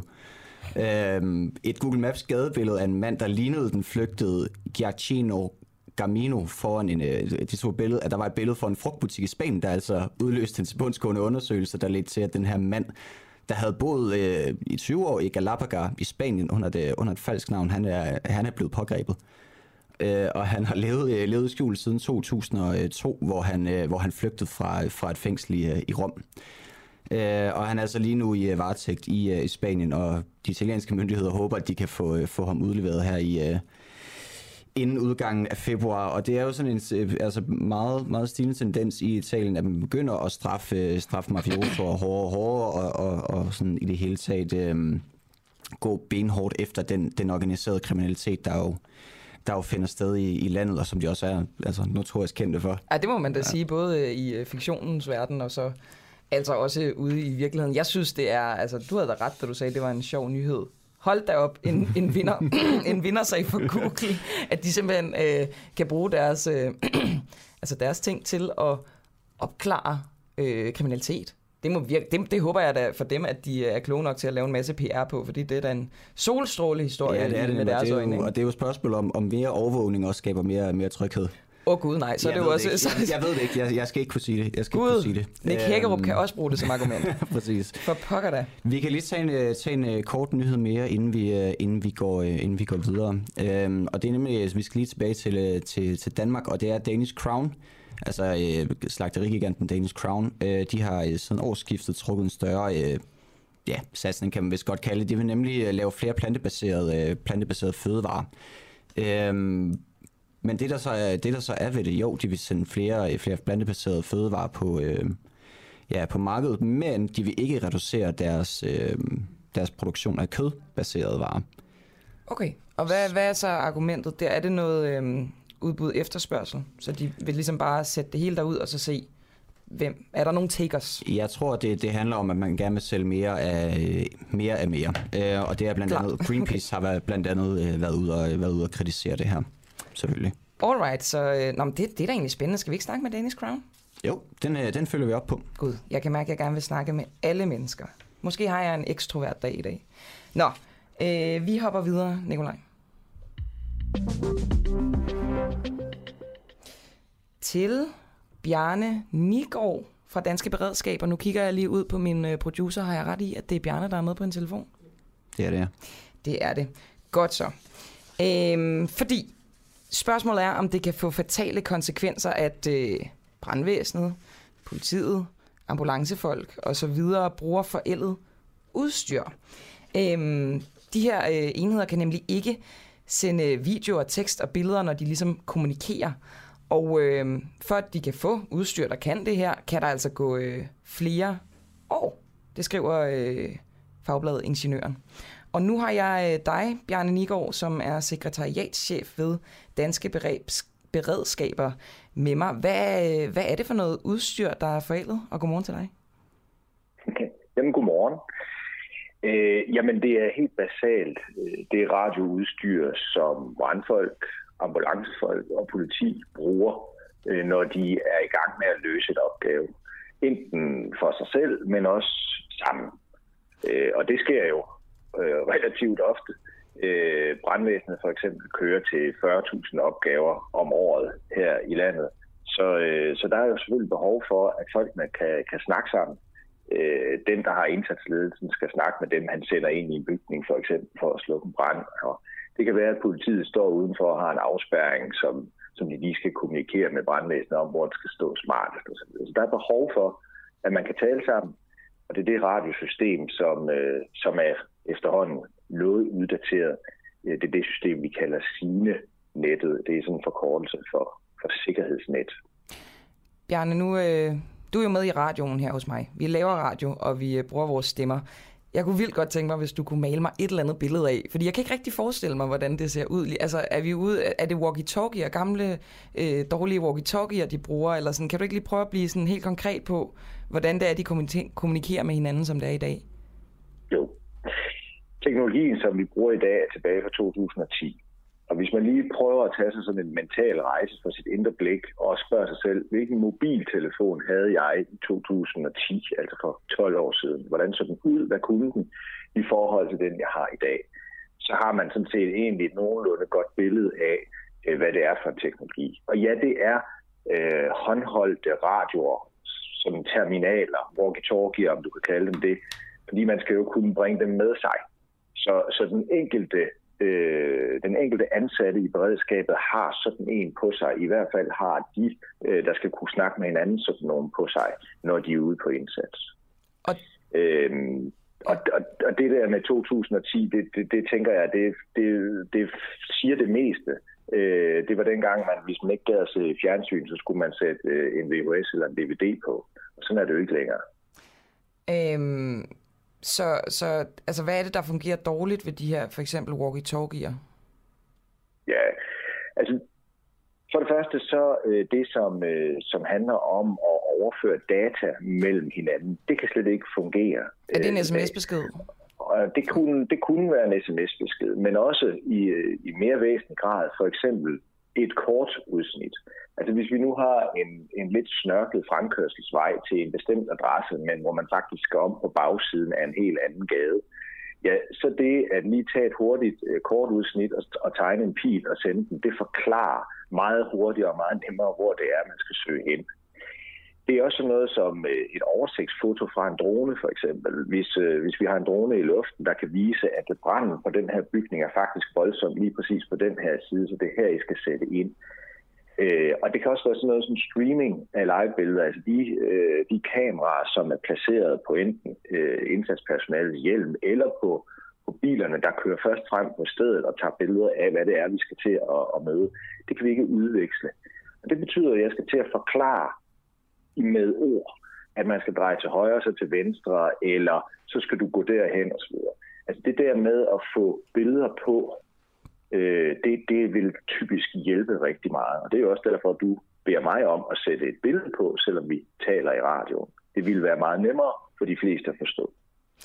Det, øh, det, det kan jeg, jeg kan godt se, hvad du mener. Altså, men jeg kunne også godt tænke mig at høre, om du ikke kan give et eksempel på en situation, hvor man ligesom i, i praksis har set, okay, nu er det det her udstyr, det her gamle øh, 2010-agtige tilbagestående mm. udstyr, som har stået i vej, altså som har været direkte årsag til, at der er sket en ulykke, I ikke er nået frem i tide? At, altså, har du et, et eksempel, hvor det har været virkelig gralt? Jeg kan sige, at altså, der er desværre flere eksempler på, at vi ikke kan lave en optimal indsats. Og du får ikke mig til at sidde og sige, at det har øh, haft den og den fatale konsekvens, eller kostet sådan og sådan menneskeliv. Sådan kan man ikke gøre det op. Men jeg tror, at de fleste kan, kan regne sig frem til, at des længere tid det tager at få, få, få, få ordentligt styr på en indsats og for at lave en rigtig, øh, den rigtige handling, jamen det større risici er der selvfølgelig for, at den udvikler sig. Men, men hvis du spørger om konkrete eksempler, så, så støder vi dagligt ind i, at det her uddaterede øh, udstyr ikke har tilstrækkelig dækning. Så en ting er, hvad man kunne ønske for fremtiden, hvad det ikke, hvad det ikke kan, men der er også nogle, nogle mangler allerede i dag. Og det betyder øh, for eksempel øh, dårlig generel dækning i øh, større byer. Og det er fordi siden 2010, der er man begyndt at bygge højere, man er også begyndt at bygge med nye materialer.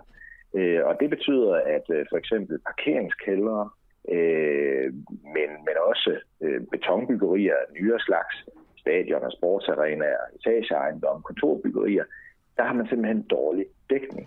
Så når man kører rundt mellem høje huse, så kan dækningen forsvinde. Og når man sender sit røgdykkerhold ind i en bygning, for eksempel af beton, jamen så kan kontakten til indsatslederen, der står udenfor, også forsvinde. Og det tror jeg, at de fleste kan sætte sig ind i, at det er altså et problem, at man ikke kan kommunikere frit, og man ikke længere ved, hvor hinanden er og hvad hinanden laver. Det betyder, at man er nødt til at gøre nogle ting anderledes og knap så effektivt, som man ellers kunne. Og så er det bare, jeg tænker, Bjarne Nigård, som øh, er sekretariatschef ved Danske Beredskaber. Hvordan i alverden kan det være, at I ikke kan få noget nyt udstyr? For man kan sige, altså politi, brandvæsen og ambulancefolk, det må jo siges at være øh, noget, der handler om menneskeliv. Hvorfor, Ja, kan, det- I ikke, det altså, det. hvorfor kan I ikke få nyt udstyr? Det er sådan, at, at øh, Rigspolitiet øh, skal skaffe os noget, noget nyt udstyr. Det er dem, der har øh, ansvaret for at lave et nyt udbud. Og det udbud øh, om at få det her nye udstyr, det skulle have været gennemført i 2017. Men det er blevet udskudt flere gange. Øh, og nu bliver det øh, gennemført med, med nyt udstyr tidligst i 2025. Tidligst. Og hvorfor det er sådan, at det er blevet udskudt, det kan jeg desværre ikke svare på, fordi det er ikke sådan, at det er en åben proces, hvor, hvor vi, der, vi andre, der bruger det her udstyr, også øh, får lov til at være med. Det holder øh, Rigspolitiet rimelig meget for sig selv. Øh, så, så, så jeg kan ikke engang sige dig, at, øh, og det vil jeg jo gerne, det er på vej, det er ved at blive løst. Fordi det ved vi faktisk ikke. Vi ved, at der skulle have været et udbud, og vi ved, at det kommer, sådan at udstyret tidligst lander, et nyt udstyr tidligst lander i 25. Og, Hvorfor øh, skifter vi det så ikke ud med noget andet øh, Ja, selv, kan så spørge om? præcis. Øh, jamen, det, det gør vi ikke, fordi lovgivningen siger, at vi faktisk skal bruge lige præcis sine. Og det er selvfølgelig fordi, at når man kommunikerer mellem beredskaber, så skal der være en eller anden form for forsikring af kommunikationen. Det skal for eksempel være krypteret, så folk, der vil os det ondt, ikke kan blande sig. Og der skal vi ikke bare tage det almindelige mobiltelefonnet og skifte det ud med, fordi det ikke er samme grad af sikret. Og så er det altså lovgivningen, der siger, at man skal bruge sine. Men Bjarne Nigård, på en eller anden måde må det jo også være jeres ansvar et eller andet sted at vise, at I har behov for det her. Hvordan, hvis I ikke kan vise det ved at for eksempel øh, eksemplificere det med at skifte noget af jeres udstyr ud selv, hvordan vil I så vise det? Altså det, det vi forsøger at gøre, det er, at vi bygger ting ovenpå. Fordi en ting er, at vi skal bruge sine til, til, til den basale kommunikation, men, men vi beder for eksempel øh, bygningsejere, som bygger nyt byggeri om, om I ikke godt vil, når I bygger, husk at lægge en forstærker ind i jeres bygning, fordi den her type bygning ved vi vil give et problem. Vi bygger ovenpå ved selv at have nogle, nogle andre kommunikationsløsninger, som, som vi kan øh, bruge til øh, hvad skal man sige, at tegne de her kort og overføre den slags øh, mere uskyldige kommunikation, og ikke den meget taktiske kommunikation. Og kunne I så ikke Det tage og vise, altså der hvor der så er kommet de ting ind, kunne I så ikke vise, at øh, der kommer I hurtigere frem? Øh, jo, altså om vi i hvert fald løser opgaven hurtigere og bedre, jamen det, det, det, det, det bilder vi os jo ind, at, øh, at det burde være lidt implicit, og det er derfor, vi gør det. Altså, jeg kender ikke ret mange, der øh, i deres iver for at, øh, at lave deres arbejde bedst muligt, giver sig til noget, som ikke nytter. Så derfor, så er det selvfølgelig, derfor bruger vi selvfølgelig ressourcer på det her. Vi bruger penge, vi bruger uddannelse og beder mandskaben om at sætte sig ind i de her andre systemer ovenpå. Og det er selvfølgelig fordi det eksisterende system ikke er tilstrækkeligt til at løse den opgave, som vi har. Og spørgsmålet er jo så, om det er nok til at, at vise dem, der ligesom skal sætte skub i det her, den her udbudsrunde, øh, og, få- og få den i gang, øh, Bjarne Nigård.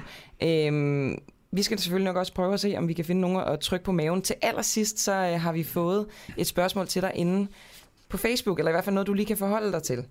Øhm, mm-hmm. Peter, eller Peter Rodes skriver, nyt system til politiet. Lol. Øh, der er intet behov. Man vil bare have bedre udstyr, ligesom jeg gerne vil have en lækker sportsvogn. Sine er et fantastisk system. Hold da op. Man bruger i forvejen mobiltelefon som ekstra udstyr. Ja, det er jo da et synspunkt. Øh, jeg ved så ikke, hvor mange, hvor mange, hvor mange politifolk, der, der, der går rundt med en mobiltelefon øh, og skal ind i, øh, i de varme grader, vi skal med en mobiltelefon. Øh, for at tage det eksempel. Jeg tror heller ikke, at mobiltelefoner er helt så standhaftige i forhold til nogle af de, de løsninger, eller nogle af de opgaver, som politiet skal løse.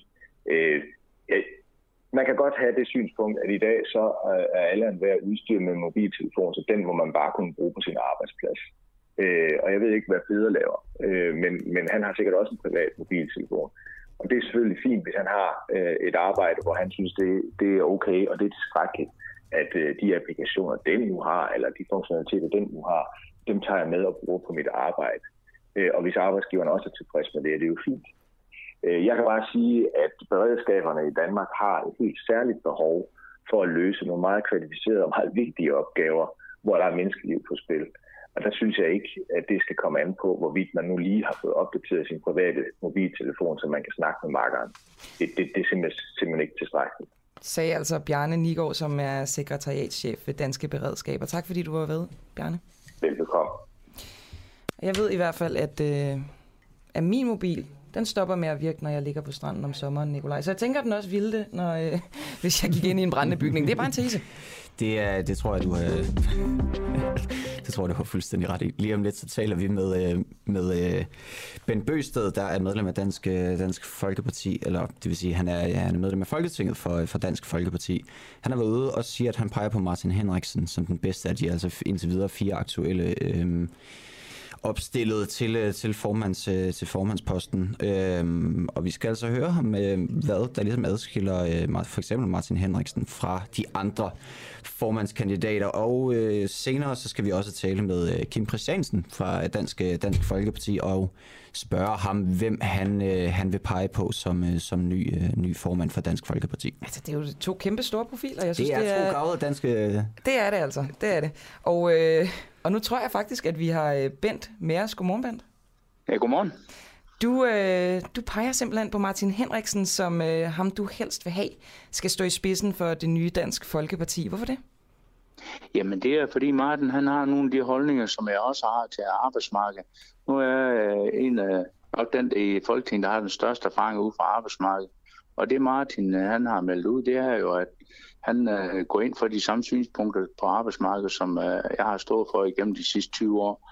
Og derfor kan jeg godt lide øh, øh, Martin og de holdninger, han har, samtidig med, at han står stadigvæk for en stram udlændingepolitik, som øh, vi har i Dansk Folkeparti. Og han, øh, det, det er mange af de, de samme holdninger, jeg har, som han har, og derfor synes jeg, at han vil være en ret til, til at være formand for Dansk Folkeparti. Hvad er det for nogle øh, synspunkter angående arbejdsmarkedet, som du deler med øh, Martin Henriksen?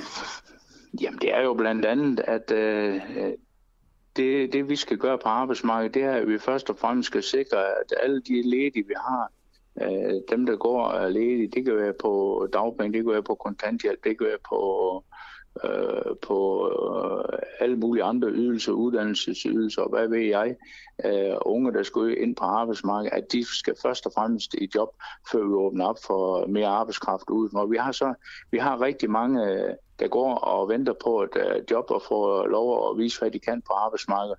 Og det gælder lige fra dagpengemodtagere til indvandrere, der går og venter på at få en chance på arbejdsmarkedet. Og der har øh, Martin Henriksen samme holdning, som jeg har, at det er dem, vi først og fremmest skal sikre, at de kommer på arbejdsmarkedet, før vi siger ja til at lukke op for yderligere tilgang fra uh, uden for EU. Et synspunkt, som øh, du og Martin Henriksen øh, faktisk deler med enhedslisten. Øhm, og så har du jo så, så sagt, Ben Bøsted, at øhm, for uden at du ligesom er enig med øh, Martin Henriksens holdninger, så er du også glad for, at han ikke er akademiker. Hvorfor det? Jamen, jeg er selv arbejder, jeg har en faglig uddannelse, og været på arbejdsmarkedet. Som jeg sagde, jeg er nok den inden Folketing, der har den største erfaring fra det danske arbejdsmarked. Og der er der behov for nogen, der har kendskab til, til arbejdsmarkedet. Det er ikke kun akademikere. Vi kan ikke undvære være akademikere, men vi kan heller ikke undvære den danske arbejde øh, Folketing. Og der er Martin så en af dem, der har de samme holdninger, som jeg har. Han er, han er heller ikke akademiker. Han kommer også ud fra, øh, fra arbejdslivet, selvom han øh, er forholdsvis ung endnu. Er det øh, korrekt, at hvis Inger Støjberg, og hun kan jo nå det endnu, skal det siges, stiller op som formandskandidat, så vil du stemme på hende? Ja, det er klart. Altså, Inger Støjberg, Inger Støjberg har altid været min favorit, og hvis hun skulle øh, komme her lige i sidste øjeblik og sige, at øh, hun, øh, hun gerne vil se ind i øh, Dansk Folkeparti og stille op til formandsvalg, så har hun min støtte. Det er, det er der ingen tvivl om. Men øh, det er morgen det sidste, det skal være, og vi ved ikke, øh, nu hun er ikke kommet med nogen udmeldinger, og derfor støtter jeg Martin. Og dermed er ikke sagt, at Morten er en, kan være en, en dårlig formand, men Martin Henriksen, han er min favorit. Hvad er det vigtigste for dig? Er det det her med, at det ikke er en akademiker, eller er det det her med, med stram udlændingepolitik, eller er det det med, med arbejdsmarkedet, udenlandsk arbejdskraft? Jamen altså, det er især med arbejdsmarkedet, udenlandsk arbejdskraft, det er uh, tilgangen til øh, en fortsat indvandring, men først og fremmest også en tilgang til, at den nye formand vil øh, kæmpe for at bygge Dansk Folkeparti op igen. Det vil Martin Henriksen, men det vil Morten Messerschmidt også, så det er, ikke, det er ikke noget med det at gøre, men der er mange, der er mange årsager til, at det er den ene frem for den anden, man vælger. Og Martin, han har en god tilgang til det danske arbejdsmarked, og derfor støtter jeg Martin Henriksen. Øhm, har du tjekket, at uh, Inger Støjberg har samme tilgang til uh, det, danske arbejdsmarked? Jamen, det har hun, fordi at, nu er jeg været beskæftigelsesordfører også, mens Inger Støjberg var beskæftigelsesminister, og vi har haft et godt samarbejde der, så jeg kender udmærket Inger Støjbergs holdninger til det danske arbejdsmarked. Så øh, du øh, kan godt lide både Martin Henriksen og Inger Støjbergs holdninger til arbejdsmarkedet, deres øh, tilgang til indvandring. Og så er det jo ja. der, hvor de skiller sig, de to. Fordi Inger Støjberg er jo faktisk akademiker, så der begynder jeg at undre mig lidt, Ben Bøsted. Hvorfor er det så hende, du vil pege på over Martin Henriksen? Jamen altså, det er simpelthen fordi, at Inger Støjberg ikke kender fra, en tid, fra hendes tid som beskæftigelsesminister, og det samarbejde, jeg havde med uh, Inger Støjberg dengang, og Martin Henriksen har også et godt samarbejde med Inger Støjberg der, så hun går fuld i tråd med det, som vi står for i Dansk Folkeparti. Jamen, det synes jeg ikke rigtig besvarer mit spørgsmål, fordi det gør Martin Henriksen også. Nu siger du, I har alle sammen arbejdet jo, sammen, jo. så hvorfor Inger over Martin? Men det har altid været sådan, at uh, Inger Støjberg, det har været min favorit, det har været lige fra starten af, men hun stiller jo ikke op. Jo, men, hun er ikke men, med, hun stiller op. Men jeg spørger bare, hvorfor? Derfor, altså, hvad derfor, kan hun, som Martin Henriksen ikke kan andet, end at hun er akademiker, og han ikke er? Og det, det siger du selv, du jo, men, sætter altså, pris på. Øh, ved du hvad, Inger Støjberg, hun har en tilgang til øh, de holdninger, vi har i Dansk Folkeparti, som, øh, jeg, øh, som jeg egentlig synes, det passer fint. Men øh, den diskussion om Inger Støjberg, den kan vi tage, hvis det er sådan, hun kommer og melder sig, og hun jo, stiller op lige som lige nok, men jeg synes bare, det er interessant er, det her. Fordi... Til... Jo, jo, nej, nej, men Ben Bøsted, jo, men jeg bliver nødt til at spørge dig, fordi ja. du siger, du vil pege på hende over Martin Henriksen. Så må du ja. jo også øh, fortælle mig, hvor at hun er bedre end ham. Det er fordi, hun er, har øh, noget mere kvalifikationer på øh, udlændingeområdet, som vi står for i Dansk Folkeparti, en stram udlændingepolitik. Hvad er det for og nogle der, kvalifikationer? Der, jamen altså, det har hun jo vist med øh, de holdninger, hun har til udlændingepolitikken. Men Inger Støjberg, hun skal lige først melde sig, om hun stiller op. Og, der, og derfor er det lidt uh, forkert at tage den diskussion nu her, når hun ikke er, har meldt, hun stiller op. Hvis hun stiller op uh, til formandsposten for Dansk Folkeparti, og det skulle hun jo gøre inden i morgen, så har vi en ny situation, og, og, og så vil jeg selvfølgelig stemme på Inger Støjberg, men uh, lige nu her, så har hun ikke stillet op, så er det Martin Henriksen, jeg støtter. Jeg ved godt, du bliver irriteret på mig nu, Ben Bøsted, men jeg bliver nødt til at spørge Ja, men du får ikke mere svar. er, øh, er Inger Støjbergs øh, holdninger til indvandring og udlændinge bedre end Martin Henriksens, ifølge dig? Nej, det er, det er, cirka, det er cirka de samme. Øh, for Martin, han står for noget af det samme, som Inger Støjberg gør. Så kan jeg Men, simpelthen øh, ikke forstå, har, hvorfor du siger, du vil pege ja. på hende over ham. Altså, er det fordi, hun er mere kendt? Hvad, hvad er det? Jamen altså, ved hvad, altså det er lidt uh, tåbeligt at begynde at snakke om, at man peger på en, der ikke er medlem af Dansk Folkeparti. Det har du selv sagt. Og sagt, hun stiller op for Dansk Folkeparti endnu. Men hvis hun kommer, så vil jeg støtte Inger Støjberg, så stemmer jeg på hende. Jeg tror ikke, jeg kan, kan trykke mere på dig, så lad os... Nej, det kan du ikke. så vil jeg bare sige... Må, jeg, må jeg hurtigt stille ja, det spørgsmål du, da, til, til Ben Bøsted? Det, det er fordi, nu, nu snakker vi jo uh, Martin Henriksen, Morten Messersmith og ja, eventuelt Inger Støjberg. Jeg kunne bare godt tænke mig at høre, øh, Ben Bøsted, Marete Dea og øh, Erik Høgh, er de fuldstændig udelukket i din verden? Altså man kan sige, Erik Høgh, han, er jo også, øh, han har jo også erfaring fra, øh, fra, øh, fra arbejdsmarkedet, og er på trods af, at han er akademiker. Han har vel begge, begge dele, har han ikke det? Jamen altså, Erik Høgh er Erik Høgh, og det er ikke, øh, det er ikke øh, min favorit. Det er Martin Henriksen, der, der er min uh, favorit til, til posten. Det er ham, jeg støtter. Hvis altså ikke Inger, hun når at melde. Så tusind tak, Ben Bøsted, øh, ja. medlem af Folketinget godt. for Dansk Folkeparti. Godmorgen. Ja, godmorgen.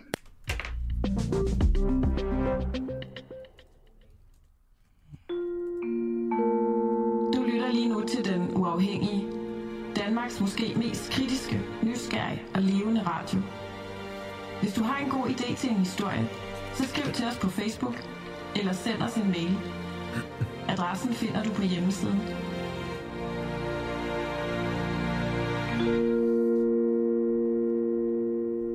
может стать реальностью. А тем временем напоминаем, что при оформлении заказа на Юск Бай его можно забрать из магазина уже через 30 minut. Altså, hvis man ikke forstod, hvad der blev sagt, så forstod man måske lydsiden af det her skønne indslag, som er et tv-indslag, som vi så har nappet lydsiden af. Den jingle, vi hører under det, den tale, der var, det er altså Jysk. Jeg ved ikke, om øh, det hedder nok bare Jysk. Engang hed det Jysk Sengetøjslager. Ja, det, øh, det hedder bare Jysk. Den danske virksomhed Jysk. Øh, og grund til, at jeg spiller det her klip for jer, det er øh, fordi, at den uafhængige i december måned kunne fortælle, at Jysk de altså reklameret på øh, hviderussiske tv-kanaler, hvor torturoffre bliver ydmyget, hvor landsforrædere bliver udpeget med, med lykker om halsen. Og øh, NGO'en, der hedder Liberico, øh, som yder hjælp til øh, beskyttelse af menneskerettigheder i Hvide Rusland og Ukraine, fortæller i en overvågningsrapport, at øh, en ud af tre reklamer på de her øh, hvide russiske statsfinansierede tv-kanaler, de kommer fra europæiske virksomheder, og altså på det tidspunkt også her iblandt Jysk. Øhm, men efter at øh, den uafhængige ligesom finder ud af det her og henvender sig til Jysk, så kan øh, kommunikationschef Rune Jungberg altså fortælle, at øh, Jysks franchise i Hvide Rusland ikke længere reklamerer på tv.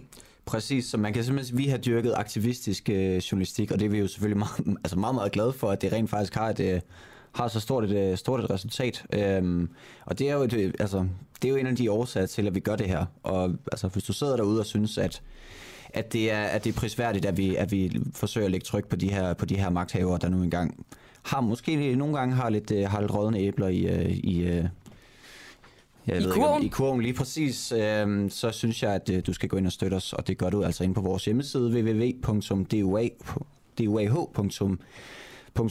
eller sender en sms til øh, 1245, hvor du skriver UA. Altså, jeg har jo ikke været med ind over den her historie, Nikolaj. Det var før øh, min tid, så at sige. Jeg synes, det er, det er god journalistik. Prøv, prøv at overveje det, at et, en så stor virksomhed stopper med at reklamere et sted, øh, fordi I ligesom graver den her historie frem. Øh, jeg vil så også lige tilføje, at siden august har, øh, har vi, I, prøvet at få et interview med Carlsberg, som jo også reklamerer på samme hviderussiske tv-kanal. Og øh, da I så spurgte Carlsberg, om, øh, om, øh, om de ville følge samme eksempel som Jysk, så henviser kommunikationsafdelingen så til, øh, til det samme citat, som I fik første gang, I spurgte, og det kan jeg jo lige læse op. Vores lokale brands bruger forskellige medier til at reklamere for deres produkter. Det inkluderer også lejlighedsvist, statsfinansieret tv. Og så vil man jo enormt gerne spørge Carlsberg, om de også forholder sig til, hvilket statsfinansieret tv, og hvad der eventuelt øh, kommer lige i kølvandet på sådan en Carlsberg-reklame, om det er en, øh, en, øh, en hængning eller eller sådan noget. Øhm, yes, præcis. Yes. Øh, Amnesty retter også øh, skarp kritik af Carlsberg. Så, øh, nå, men I følger, øh, følger den her historie selvfølgelig, øh, og ser om der kommer noget nyt, i hvert fald med Carlsberg. Fra Hvide Rusland, så skal vi til, øh, vi skal til Kazakhstan, og øh, jeg tissede kort for, øh, eller vi snakkede tidligere om, om den her historie, øh, Camilla, og nu tager vi den altså op. Vi skal snakke med Flemming Splidsbol, der er forsker ved, øh, ved DIIS, og vi stiller simpelthen spørgsmålet, om der er revolution i, øh, i Kazakhstan. Og øh, vi skulle gerne have et, øh, et lille, et lille lydklip, vi kan, vi kan sætte på for, øh, for lytterne, inden vi byder, øh, byder velkommen til, øh, til Flemming.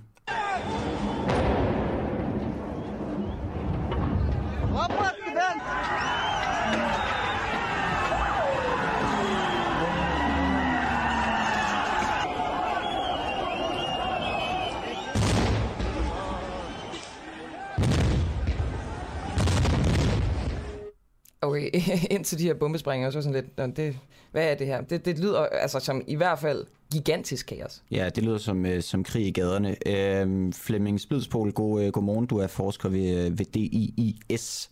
Hvad er der sket det seneste døgn i øh, Kazakhstan? Det har jo været et øh, super dramatisk døgn. Den her øh, revolution, lad os bare kalde det det, det er i hvert fald øh, noget, der ligner en revolution, har jo været under, undervejs nu i nogle dage. Men det seneste døgn har været meget dramatisk, og det er sådan set indtil videre nu kulmineret med, at øh, Kazakhstans øh, præsident Tokayev har øh, bedt sine militærallierede, og det er inden for den organisation, der hedder ODKB, der bruger vi på dansk det russiske akronym. Så ODKB er en militæralliance, som russerne leder. Kazakhstan er med, og der har præsidenten så altså bedt de andre allierede i ODKB om at komme ham til undsætning, og det har de indvilliget i, så vi venter nu på, at der skal komme tropper fra de her lande ind i Kazakhstan. Og altså, øh, grunden til, at de her, øh, altså de her oprør, de er, de er gået på gaden, det er i, øh, i kølvandet på, på flere dages voldsomme demonstrationer i forbindelse med en brændstofskrise, hvor priserne på blandt andet, øh, blandt andet medicin er blevet øh, er, er, steget. Øh, ved vi noget om, hvem det er, der, øh, der, der, der er på gaderne og laver, øh, er, laver de her oprør? Ja, det, det gør vi. Altså, det, er jo, det er jo et forholdsvis bredt udsnit af befolkningen, men, men som ofte i, i de her situationer, så er der en, en overvægt af, af unge og yngre mænd. Øh, og jeg læser også i nogle af medierne, både fra Kazakhstan, men også fra Rusland for eksempel, at, øh, at det er mænd i, øh, i, i sportstøj. Altså det er folk, som, som er kommet på gaden i, i, i det, de lige har, ikke for at vise deres protester. Som du siger, så startede det jo med øh, modstand mod øh, prisstigninger på gas, og det er sådan, man bruger øh, rigtig meget naturgas til at øh, til at fylde på sin bil øh, i øh, Kazakhstan, og der er priserne steget meget, men så er det jo så altså fået en helt anden karakter nu, hvor det er, hvor det er meget mere med nogle politiske krav. Ja, altså du siger, at det er, det er unge mænd i, uh, unge mænd i, i, i sportstøj. Det, det, det kan jo for så vidt være, uh, være, være hvem som helst, eller de kan have hvilken som helst politisk overbevisning. Ved man noget om, hvilken politisk overbevisning de har, eller om, altså har de bare set deres snit til at skabe en revolution? Ja, jeg tror, de har set et, et, et, deres snit til at skabe en revolution, og der skal vi jo forstå, at Kazakhstan er jo et autoritært styre. Øh, og der findes andre i regionen, som er væsentligt mere autoritære. Det er Rusland også for eksempel. Øh, men det er et styre, som er autoritært og som er ensrettet. Og en del af den modstand, som vi ser på gaden lige nu, den er rettet mod øh, Kazakhstans første tidligere præsident, Nursultan Nazarbayev, som trådte tilbage i 2019, men som har siddet som livslang øh, formand for Sikkerhedsrådet. Og deres umiddelbare krav var, at Nazarbayev skulle forsvinde fuldstændig. Og det tolker mange observatører som sådan en modstand mod et politisk styre, som har været der i tre årtier, og som er korrupt, og som er nepotistisk, og som rager til sig selv, og som den nuværende præsident Tokayev måske også er et, ligesom et resultat af. Okay, så, det, så oprøret er simpelthen en, en kulmination af flere års øh, rådende, råden politik. Øh, Ja, det, det, det kan man sige. Altså en, en centralisering af magten, og så, øh, og så udløst lige af den her, øh, den her brændstofkrise med, med, med voldsomme stigninger, og det i sig selv skyldes også, at der er nogle øh, nogle karteller øh, i brændstofbranchen i Kazakhstan, altså hvor de aftaler priser, hvor der ikke er et frit marked, øh, og, og det er også tegn på et, på et sygt system på en måde, og, og det er det, folk også reagerer på. Okay, de her, øh, det, det, er jo, det er jo ret spændende med de her, altså, de her karteldannelser. Altså, trækker de på nogen måde sådan tråde til, til det politiske system? Er de statsejede, de her, øh, de her brændstofkarteller? Ja, det er nogle af dem, men uanset hvad, så, så er det kan man sige, et, et politisk system, hvor der er masser af vendetjenester, også i den private sektor. Det vil sige, at man kan øh, for eksempel få øh, tra- øh, kontrakter fra det offentlige, også i, i private firmaer, men via forbindelser. Og så har vi jo det, vi kalder øh, returkommissioner, det vil sige, hvis man får en, en, en kontrakt via det offentlige for eksempel, som en privat virksomhed, så betaler man nogle af pengene tilbage til de politikere, som har afgivet ordrene. Det går så ind på deres private konti. Og, og det finder selvfølgelig også sted i Kazakhstan, også i et stort omfang. Øh, så, så vi skal nok forstå den her revolution, det der minder om en revolution, som en, som en øh, noget bredere modstand mod et, øh, et styre, som, som nu har øh, kontrolleret Kazakhstan i, i, i tre årtier, og som, øh, hvad kan man sige, hvor, der, hvor der er kommet et, en, en modstand, som er nået et punkt, hvor den nu altså kommer til udtryk ude på gaden. Ja, lige præcis. Altså, det er nået et udtryk, og vist nok også et, øh, et, et, et kogepunkt, kan man vist, øh, vist roligt sige. Fordi i går der lukkede, øh, du siger selv, at det er, det, er, det er et autoritært styre, og man kan sige, at i går der lukkede styret for internettet og adgang for mobiltelefoner. Og landets præsident Tokayev, som du også nævner, sværger, at der vil blive svaret hårdt igen på, hvad han kalder massiv angreb på de her sikkerhedsstyrker, der altså er sat ind. Hvis du skal vurdere det leder præsident øh, Tokayev stadig landet, eller, eller er der en, en eller anden form for sådan... Altså... Ja, det, det, ja, det gør han, og det, og det han har forsøgt i, i starten øh, af de seneste dage, det er jo at, at komme af med, med den tidligere præsident, altså Nursultan Nazarbayev, som jo er en, en enorm skikkelse i, øh, kazakhstansk øh, politik. Øh, hovedstaden er opkaldt efter ham nu. Øh, det kan være, at de ændrer det endnu en gang, men hovedstaden er opkaldt efter ham, og, og han fylder enormt meget. Men Tokayev er slået af med ham, han har sparket ham ud, og han har afsat regeringen, og er på vej, tror jeg, til at udrense store dele af, af Nazarbayevs gamle kreds. Så det er muligt, at det faktisk er det her øjeblik, han har ventet på, øh, for at slippe af med dem og måske få sin egen folk ind. Men det er også muligt, at, at det er et forsøg på at, øh, at tilfredsstille en del af oppositionen. Som det er lige nu, så styrer han landet, og det vil han forsøge at gøre ved, øh, med støtte fra blandt andet russiske soldater.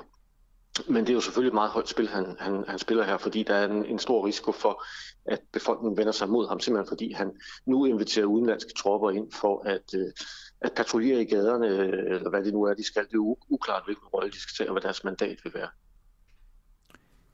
Okay, jeg tror ikke, jeg har flere spørgsmål, jeg, eller jeg var måske lidt kort. Jeg synes, det lyder, det lyder ret vildt det her. Hvis du skal komme med et, øh, med et bud, hvad kommer der så til at ske de, øh, sådan, de næste dage? Hvad, hvad, hvad bliver gadebilledet? Jeg kunne forestille mig, at det vil, øh, at det vil forstærkes. Øh, altså flere demonstrationer. De, øh, de nationale tropper, både politi og, og forsvar, har i høj grad trukket sig tilbage. Og det har vi set på de sociale medier. Så jeg kunne forestille mig, at der er et vindue nu, hvor, hvor protesterne måske vil tage til. Og så må de andre lande i den militære alliance, ODKB, må finde ud af, hvordan de eventuelt vil indsætte tropper, hvad mandatet skal være.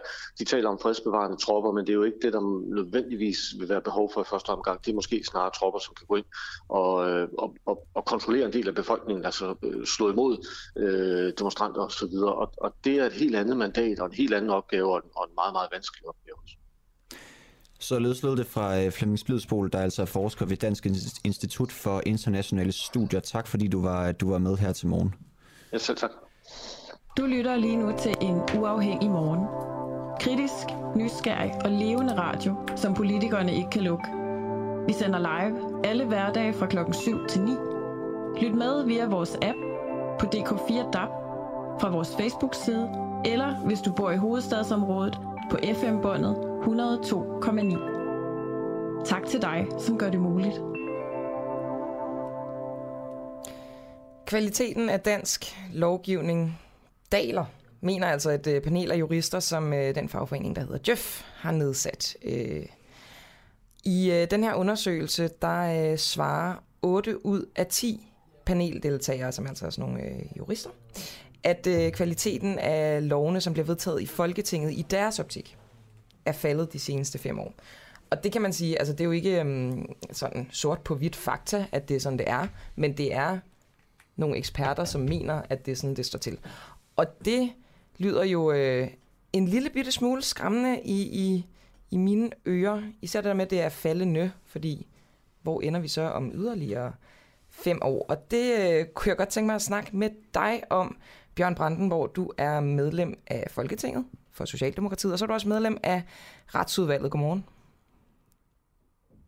Og jeg tænder lige for dig. Sådan der. Så kan du sige godmorgen, Bjørn. Godmorgen. øhm, jeg tænker, at jeg starter et sted, hvor du simpelthen bare skal svare ja eller nej. Og det ved jeg godt, at I politikere måske har en lille smule svært ved nogle gange. Men skal vi ikke prøve? Mm. Okay, lad os prøve.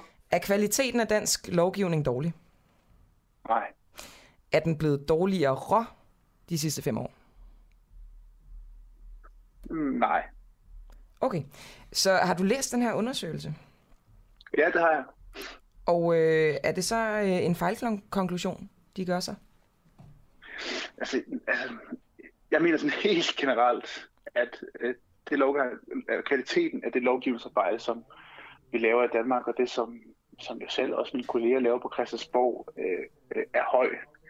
Øh, jeg synes, kvaliteten af det er høj, men, men jeg mener sådan set også, at, øh, at det er fornuftigt at spørge, om det går for hurtigt, altså om vi måske skulle bruge lidt mere tid på det, og om det kunne gå lidt langsommere. Og der, der mener jeg, det mener Socialdemokratiet godt, at, at det må gå langsommere. Men når jeg læser en undersøgelse, så, så læser jeg også, hvad det er for nogle, øh, hvad det er for nogle ting, som, som de peger på, som vi, vi skal gøre mere af. Blandt andet det der med, om vi kan få tryktestet noget mere, få få flere virksomheder med ind over, øh, få spurgt ud i, i, i vores institutioner om, hvordan det her kommer til at fungere, og alle de der ting, det vil vi jo også gerne, og det er også derfor, vi har foreslået, at vi skal, vi skal have noget bedre tid, og vi skal have, vi skal have færre lovgivning ind i, i lovprogrammet. Så, så langt hen ad vejen tror jeg ikke, at vi er så uenige om det, vi gerne vil. Men okay, nu, og det kan sagtens være, det er mig, der, der, der er lidt dum her, Bjørn Brandenborg. Hvis kvaliteten, hvis kvaliteten ikke er dårlig, og hvis den ikke er blevet dårligere, Hvorfor vil man så have, at det skal gå, gå langsommere? Altså, det lyder, da, det lyder da lækkert, hvis det er blevet effektivt, og kvaliteten samtidig holder. Det er ikke så mange tilfælde, det sker. Nej, men nu tror jeg, man skal huske på, hvad det er for en situation, vi har stået i de sidste par år. Og det har jo været en ekstraordinær situation, hvor at lovgivningsarbejdet også har gået ekstraordinært hurtigt. Altså, vi har jo vedtaget øh, Øh, rekord mange lovforslag i, nu er det min første periode som folketingsmedlem, men også i den periode, jeg har været medlem, har vi vedtaget rekord mange øh, lovforslag, og det betyder jo bare, at det også har, har presset mængden af lovgivning, fordi der har været rigtig, rigtig, rigtig meget haste øh, lovgivning i forbindelse med øh, corona. Der har været rigtig meget lovgivning, som der ikke var, som vi ikke vidste, vi havde brug for, som vi har skulle implementere på rigtig, rigtig kort tid, og det har selvfølgelig Øh, det har selvfølgelig øh, lagt et pres. Og der kan vi sige, jeg synes ikke, der er noget i vejen for, at man som politiker har en ambition om, at tingene godt må tage, øh, tage mere tid. Altså jeg synes kun, det bliver, det bliver bedre og mere kvalificeret lovgivning af, at vi får, vi får spurgt ude i, i virkeligheden, hvordan det kommer til at, at have en, en, en påvirkning. Men jeg tror også, man er nødt til at tage med, at vi jo har stået i, i en ekstraordinær situation, der gør, øh, at tingene også nogle gange har været nødt til at skulle gå lidt hurtigt. Og nu har vi så en ambition om, at, at det skal gå lidt langsommere. Og det er blandt andet også derfor, at at det lovprogram, der ligger for i år, som jeg allerede er i gang med, der ligger der også færre lovgivning, end der har gjort øh, blandt andet sidste år, fordi vi gerne vil have, at der skal være mere tid til det. Den, øh, den hastelov, der blev øh, taget, da man øh, slog alle mink ned, var det en kvalitetslov, Bjørn Brandenborg? Det, det forstår jeg ikke, det spørgsmål. Men var det en lov af, af høj kvalitet? Mm, altså, øh, det, det er et lidt mærkeligt spørgsmål, ikke? fordi der er jo nogle beslutninger, vi har taget under corona, som har krævet, at vi handlede utrolig hurtigt, her blandt det, der handlede omkring øh, mink, hvor man potentielt sagde, øh, at der var en ny øh, epidemi i gang i Danmark. Øhm, så, øh, så, så ja, jeg synes, når man træffer hurtige beslutninger, kan det sagtens have kvalitet. Altså nu har jeg også læst... Men havde den, havde den kvalitet? Ja, det havde den. Okay. Øhm, så, så, så konklusionen er ligesom, Bare lige for, at alle er helt med. Det er gået meget hurtigt de sidste år, men kvaliteten er blevet, øh, blevet bevaret. Ja, men du skal jo huske, at, at jamen, altså, jeg, jeg, jeg læser ikke nogen, der siger, at, at kvaliteten er, er totalt jammerlig. Jeg tror, vi skal huske på, at vi har stået i en situation, hvor det har været nødvendigt at vedtage en masse forskellige lovgivning på grund af corona. Øh, og nu ønsker vi så, at lovgivningsarbejdet skal gå langsommere. Det synes jeg sådan set er en meget, meget, meget, meget fornuftig ambition at have. Men ja, lovgivningsarbejdets kvalitet er høj. Jeg synes, mine kolleger, og jeg synes, at de embedsfolk, der arbejder for os, gør et sindssygt godt stykke arbejde. Men vi har sådan også ambition om, at det godt må tage længere tid. Altså det gør ikke noget, at vi får øh, tryktestet noget af lovgivningen ude i, i virkeligheden, eller får endnu flere... Jeg bremser dig lige, Bjørn Brandenborg. Det, det har du fået lov at sige en gang. Nu, nu er der noget, der trænger sig på hos mig. Er lovgivning okay, uden lovhjemmel kvalitetslovgivning eller god lovgivning, sagt på en anden måde? Nej, men jeg tror ikke, det handler jo ikke om, om spørgsmål omkring øh, mink, og det er sådan set heller ikke det, som, øh, som hverken vores interview handler om, eller det, Nå, som... Nej, men nu sagde, du, nu sagde du ligesom, at det var en, en kvalitetslovgivning. Der var ikke, nej, der var ikke lovhjemmel. Er det god kvalitet det, af, en, af en lovgivningsproces? Det kan, det kan jeg simpelthen det, det, kan jeg bare ikke forstå. Det, Nej, men vi kommer ikke til at diskutere øh, minklovgivning. Det er ikke det, som vi to har aftalt i det her interview, og det er ikke det, som den undersøgelse, som, som, øh, som der er blevet offentliggjort for Djøf, den, den handler om. Den handler den, vel om alle love, det er bare derfor, jeg prøver bare at eksemplificere det. Ja, deres eksempel er jo for eksempel øh, vores lov omkring øh, vanvidsbilisme, øh, som de synes er et eksempel på noget, der kunne være øh, symbollovgivning, noget, der er gået stærkt. Den har jo så tværtimod haft en betydning, hvor at over 500 bilister har fået frataget deres, øh, deres biler på grund af vanvidsbilisme. Så det er jo et udtryk for i hvert fald en, en lovgivning, der, er, øh, der virker. Og sådan synes jeg set, at der er, der, er mange, der er mange forskellige eksempler på. Jeg tror også noget af det, som, som det her handler om, er jo, at øh, nu, nu vil jeg ikke gentage min pointe, fordi nu har du, du sagt, jeg har sagt den, men man kan sige, men, men indsat på Christiansborg er der også kan man sige, et politisk ansvar for, at vi på tværs af partierne også får taget det luft ud af ballonen i forhold til, at vi får bedre tid til, til lovgivningsarbejdet. Altså at vi får, får mere tid til at få, få testet det. Måske også, at man øh, ikke behøver at indkalde til et samråd omkring alting, når det er sådan, at vi, at vi er uenige om noget på Christiansborg og har nogle spørgsmål, men at vi, øh, vi bruger tiden fornuftigt på at lave den bedst mulige øh, lovgivning. Er der for mange samråd? Øh, det synes jeg i hvert fald det sidste år, der har været en tendens til, at der kan, det, det synes jeg også, hvis man kigger på tallene, tænder det for sig selv. Ikke? Der, har været en, der har været en meget, meget stor stigning i det. Ikke at man ikke skal, skal bruge samråd, jeg synes bare, at man skal også være sikker på, at der er, der er, når vi taler om kvalitet, at der også er det, når det kommer til for eksempel bruge samråd. Det giver mening. Kan du ikke lige give mig et eksempel på et øh, unødvendigt samråd? Altså som kunne være, kunne være ja, som kunne ligesom være, altså, som kunne være, øh, altså som vi godt kunne have, have undværet. Nej, det kan jeg ikke. Nå, men det tænker jeg bare, hvis, hvis du siger, der er for mange samråd, og det kunne være en løsning på, hvordan I fik mere tid. Jeg, jeg, jeg, jeg, jeg, jeg siger mængden af samråd. Altså hvis du, hvis du hvis man kigger over de sidste par år, er der sket en, en stigning i antallet af samråd. Og så kan man jo godt spørge sig selv, om det er fordi, der har været behov for, at der er mange, mange flere samråd, eller det er måske også fordi, at politikerne bruger samråd endnu mere til, og det kan være, at man har en, en personlig politisk sag, som man gerne vil have, have frem, eller man har et eller andet, man synes, der er meget vigtigt at spørge ministeren om, at man så bruger det, bruger det mere. Det er bare sådan et eksempel på, på, altså det du siger der, sådan et eksempel gad jeg godt have helt konkret, som, hvor det havde været unødvendigt. Ja, men det, det må vi så prøve at finde det der, hvis du gerne vil have et eksempel. Det kunne være fedt. Øhm, til sidst, øh, Bjørn Brandenborg, hvor meget tid bruger du på sociale medier? Hvor meget tid jeg bruger? Ja, så jeg, jeg tænker, at øh, du måske har en, en, øh, en iPhone, og der får man sådan en, en ja, hæslig rapport ja, ja. i virkeligheden, hvor at, der står, hvor meget øh, tid man bruger på sin telefon i gennemsnit om ugen. Ja, øh, nu har jeg faktisk lige været på øh, barsel, så jeg tror, det er meget, meget langt nede endnu i forhold til lige nu, hvor meget, hvor meget tid jeg bruger på mine sociale medier. Men, øh, men generelt bruger jeg det meget, og måske også en tendens til at bruge det for meget. Men, det... øh, men, men det er jo et arbejdsredskab, ikke? Altså, jeg får, får mange henvendelser også fra journalister som dig, som skriver til mig på Twitter og spørger, om jeg lige kan svare på det, og jeg lige kan undersøge det. Det er også et sted, hvor jeg kommunikerer med, med mit bagland. Jeg, jeg bor valgt på Sydfyn, det er langt væk fra København og Christiansborg, så jeg kommunikerer jævnligt med mit bagland på sociale medier og viser, hvad det er for noget arbejde, jeg laver, og er i kontakt med borgere, der har spørgsmål og sådan noget på, på, på den platform. Så, så jeg, jeg bruger det meget, og jeg tror også nogle gange bruger det for meget, men, øh, men det er jo så den, den virkelighed, vi lever i. Kunne du se en, øh, altså, hvad skal man sige, en årsagssammenhæng øh, mellem, at tingene, altså I ikke har nok tid, at det måske kunne være, fordi I brugte for meget tid på, øh, på sociale medier? Altså i forhold til den undersøgelse, som der ja, er lavet nu? Ja, altså det, jeg tror, de spørger også i, i forhold til 1980, ikke? jeg tror, der er meget god forklaring på, hvorfor man ikke brugte sociale medier så meget tilbage ja. i, i, i 1980.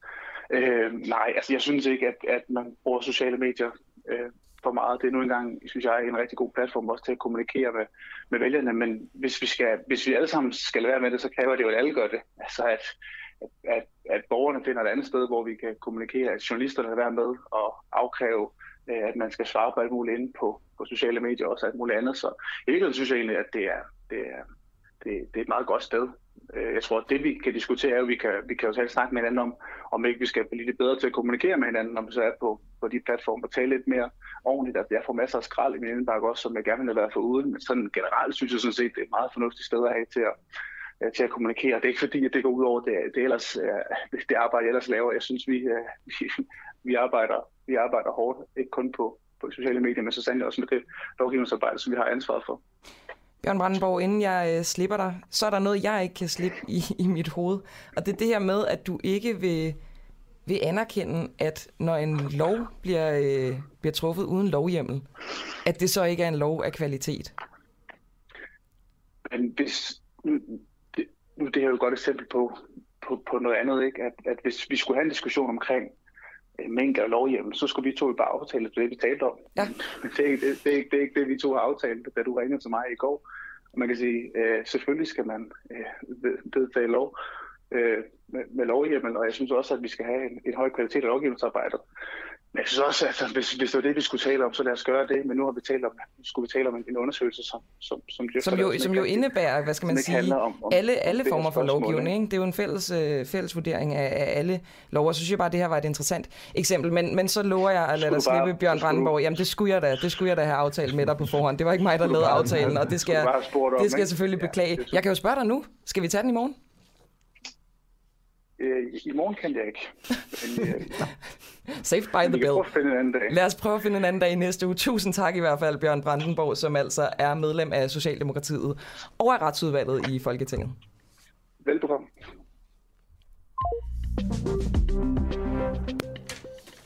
Vi iler videre, Nikolaj. Ja, det gør vi, fordi vi skal nemlig have rundet Dansk Folkeparti af for, øh, for i dag, inden det måske går løs i, øh, i morgen. Eller det, det går jo ikke rigtig løs, det går først løs øh, senere i januar. Men i Nå, men det, jeg synes ikke, det er lidt bombeagtigt, at det er jo i morgen, vi får sådan ligesom slået fast. Inger eller ikke Inger? Det er da lidt vildt. Ja, det er, jo, det er rigtigt. Det er rigtigt. Det er, altså, jeg, jeg, jeg lad, ved, lad os nu bare køre det op, Nikolaj. Ja, okay, vi kører det op. Det bliver, det bliver fuldstændig vanvittigt spændende i, om vi får Inger Støjberg på banen i de aller, aller, aller sidste sekunder af den her øh, kommende, altså nærmest et præsidentvalg internt i uh, Dansk, uh, Dansk Folkeparti. Hvem skal redde Dansk Folkeparti? Og hvem skal egentlig det? Forløbig fire kandidater på, på banen. Vi har øh, Marete D.A. Larsen, øh, byrådsmedlem i Roskilde. Så har vi øh, Erik Høgh Sørensen mm-hmm. øh, fra Jørgen. Så har vi øh, Martin Henriksen fra Stævns. Og så har vi altså vores allesammens Morten Messersmith, som jeg snakkede med i går.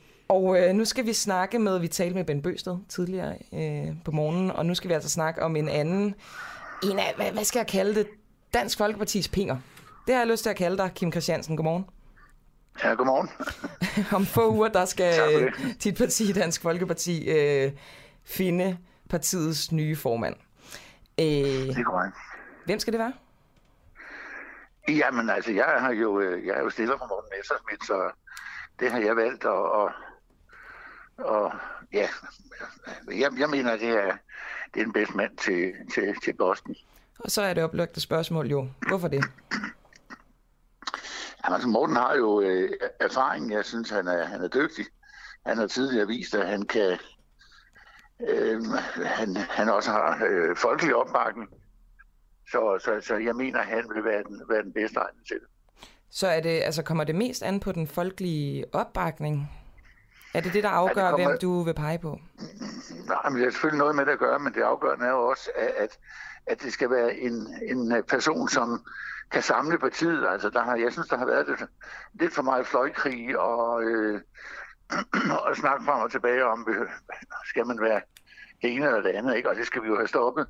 Og, og det tror jeg, at Morten vil være den, være den bedste mand til. Og så tænker jeg, når du siger det, jeg havde øh, Erik Høgh Sørensen med tidligere på morgenen. Han øh, trak en ret skarp linje op imellem øh, ham og Morten Messersmith, og det er altså Erik Høgh og så hans støtter, som, øh, som er dybt uenige med Morten Messersmith. Så har vi Martin Henriksen, som også har været øh, ganske offentlig omkring øh, hans stridigheder med Morten. Og så har vi jo Merete Dea tilbage, som mig bekendt ikke er uvenner med nogen som helst. Hvorfor ikke pege på hende, hvis du ønsker øh, fred og ro og fordragelighed? jo, men det er der nogen, der undsiger Morten Messersmith. Øh, Erik Høgh det, det gør jo ikke, at, at, at Morten Messersmith vil være uegnet til opgaven.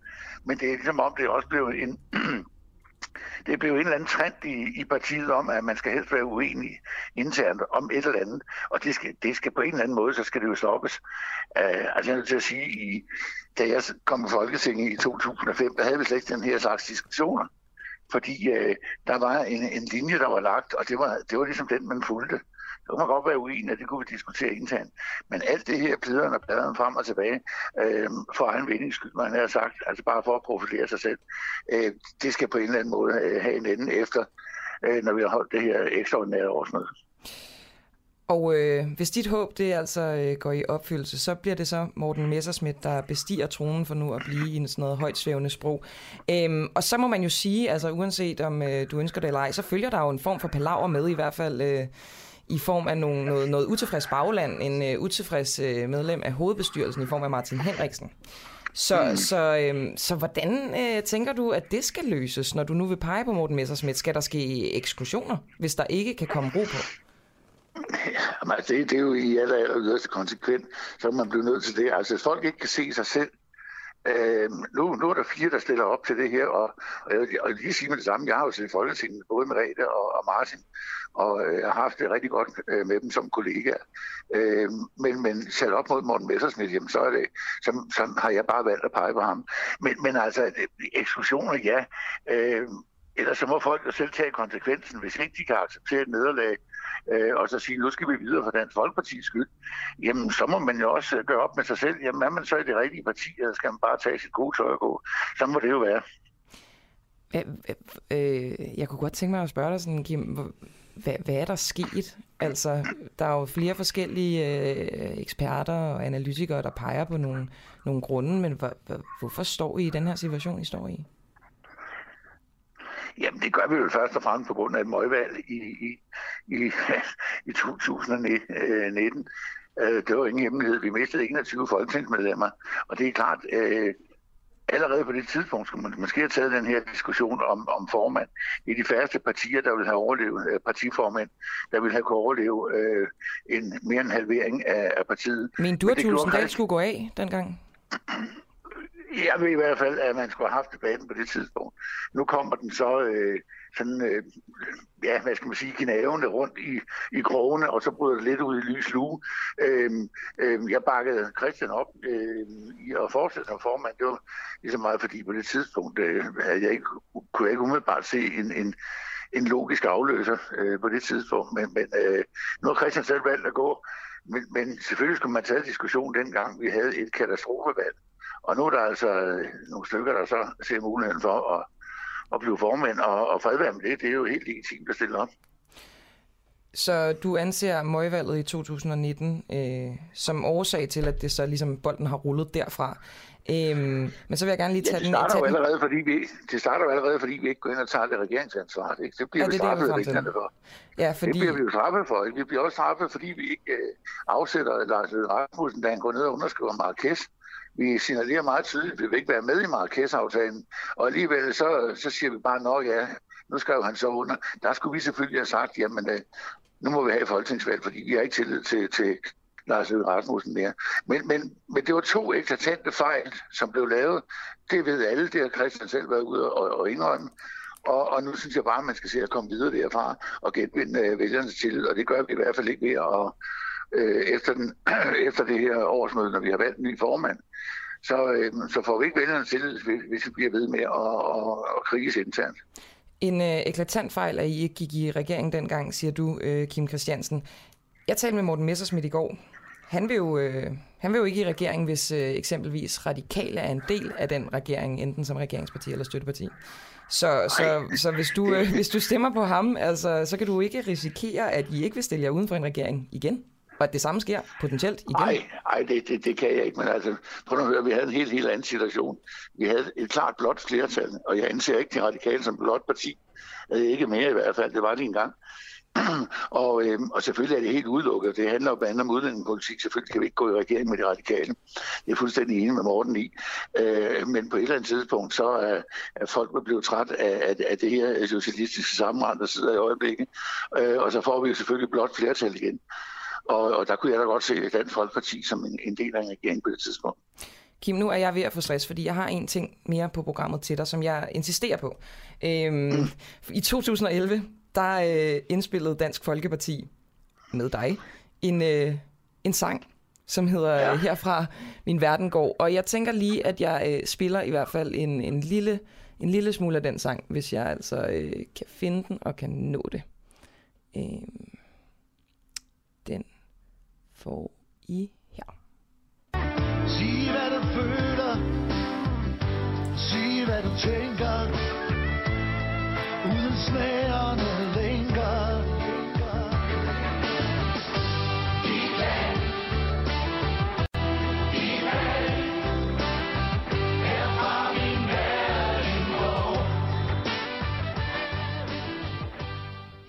Ja, Kim, altså øh, hvis man, øh, man kan både høre det, ikke? man kan også se det, hvis man, øh, hvis man YouTuber den her, øh, at der er jo altså... Jeg har aldrig set så god stemning noget der er, sted. Der er smæk forskellige. Ja, det er der godt nok. Hold da op, I er glade på det tidspunkt, Kim. øhm, så jeg, jeg tænker ikke, nu der er en masse splid. Hvad med ligesom at gentage succesen? Jamen, jeg stiller gerne min, min, min beskidende færdigheder til rådighed, øh, hvis, hvis der kom, bliver behov for en, for en ny sang til Dansk Folkeparti. Men kunne, du, kunne, kunne du ikke være frontrunner på det, altså ligesom foreslå det, og så samle alle gutterne og gudinderne, og så indspille turen? Jo, men det, det bliver jo ikke så lille stort i kor, øh, som dengang, Nej, men, er der, så, må de, så må de synge lidt højere, ikke? Jo, selvfølgelig. Så, øh, men, men som sagt, øh, ja, jeg står gerne til rådighed, hvis, hvis det er en sang, der skal til at samle tropperne, så, Må, så laver vi den. må vi godt ringe til, til tropperne, og så sige, at vi stiller vores studie til rådighed, og at du ligesom er forgangsmand på projektet, og så inviterer dem ind? Ja, ja, det, det må du godt. Det så, må du godt. så det var en aftale, Kim Christiansen, altså tidligere, er noget, tidligere MF'er og transportordfører for DF. Vi har ikke mere tid. Tusind tak, fordi du var med her. Ja, selv tak. Hej. Hej, hej. Og så er det altså blevet tid til, at vi skal runde af, Nikolaj. Ja, det var, øh, ja, det var alt, hvad vi havde på, øh, på programmet. Øh, jeg kan lige hurtigt nå at sige, at øh, Pelle Pape, der er tidligere embedsmand i øh, statsministeriet, han skal afhøres i, øh, i min kommission i dag. Øhm, Pelle Pape har også, ligesom Mette Frederiksen, slettet sin sms, og det var altså ham, der brugte vendingen luk lortet om øh, aflivning af minkene. Ude i regien i dag, der sad øh, Barry Vessel, og dagens udsendelse er sat sammen og redigeret af Peter Svarts. Ved siden af mig, der sidder Camilla Boracchi, mit navn er Nikolaj Jul, og øh, vi er tilbage igen i morgen.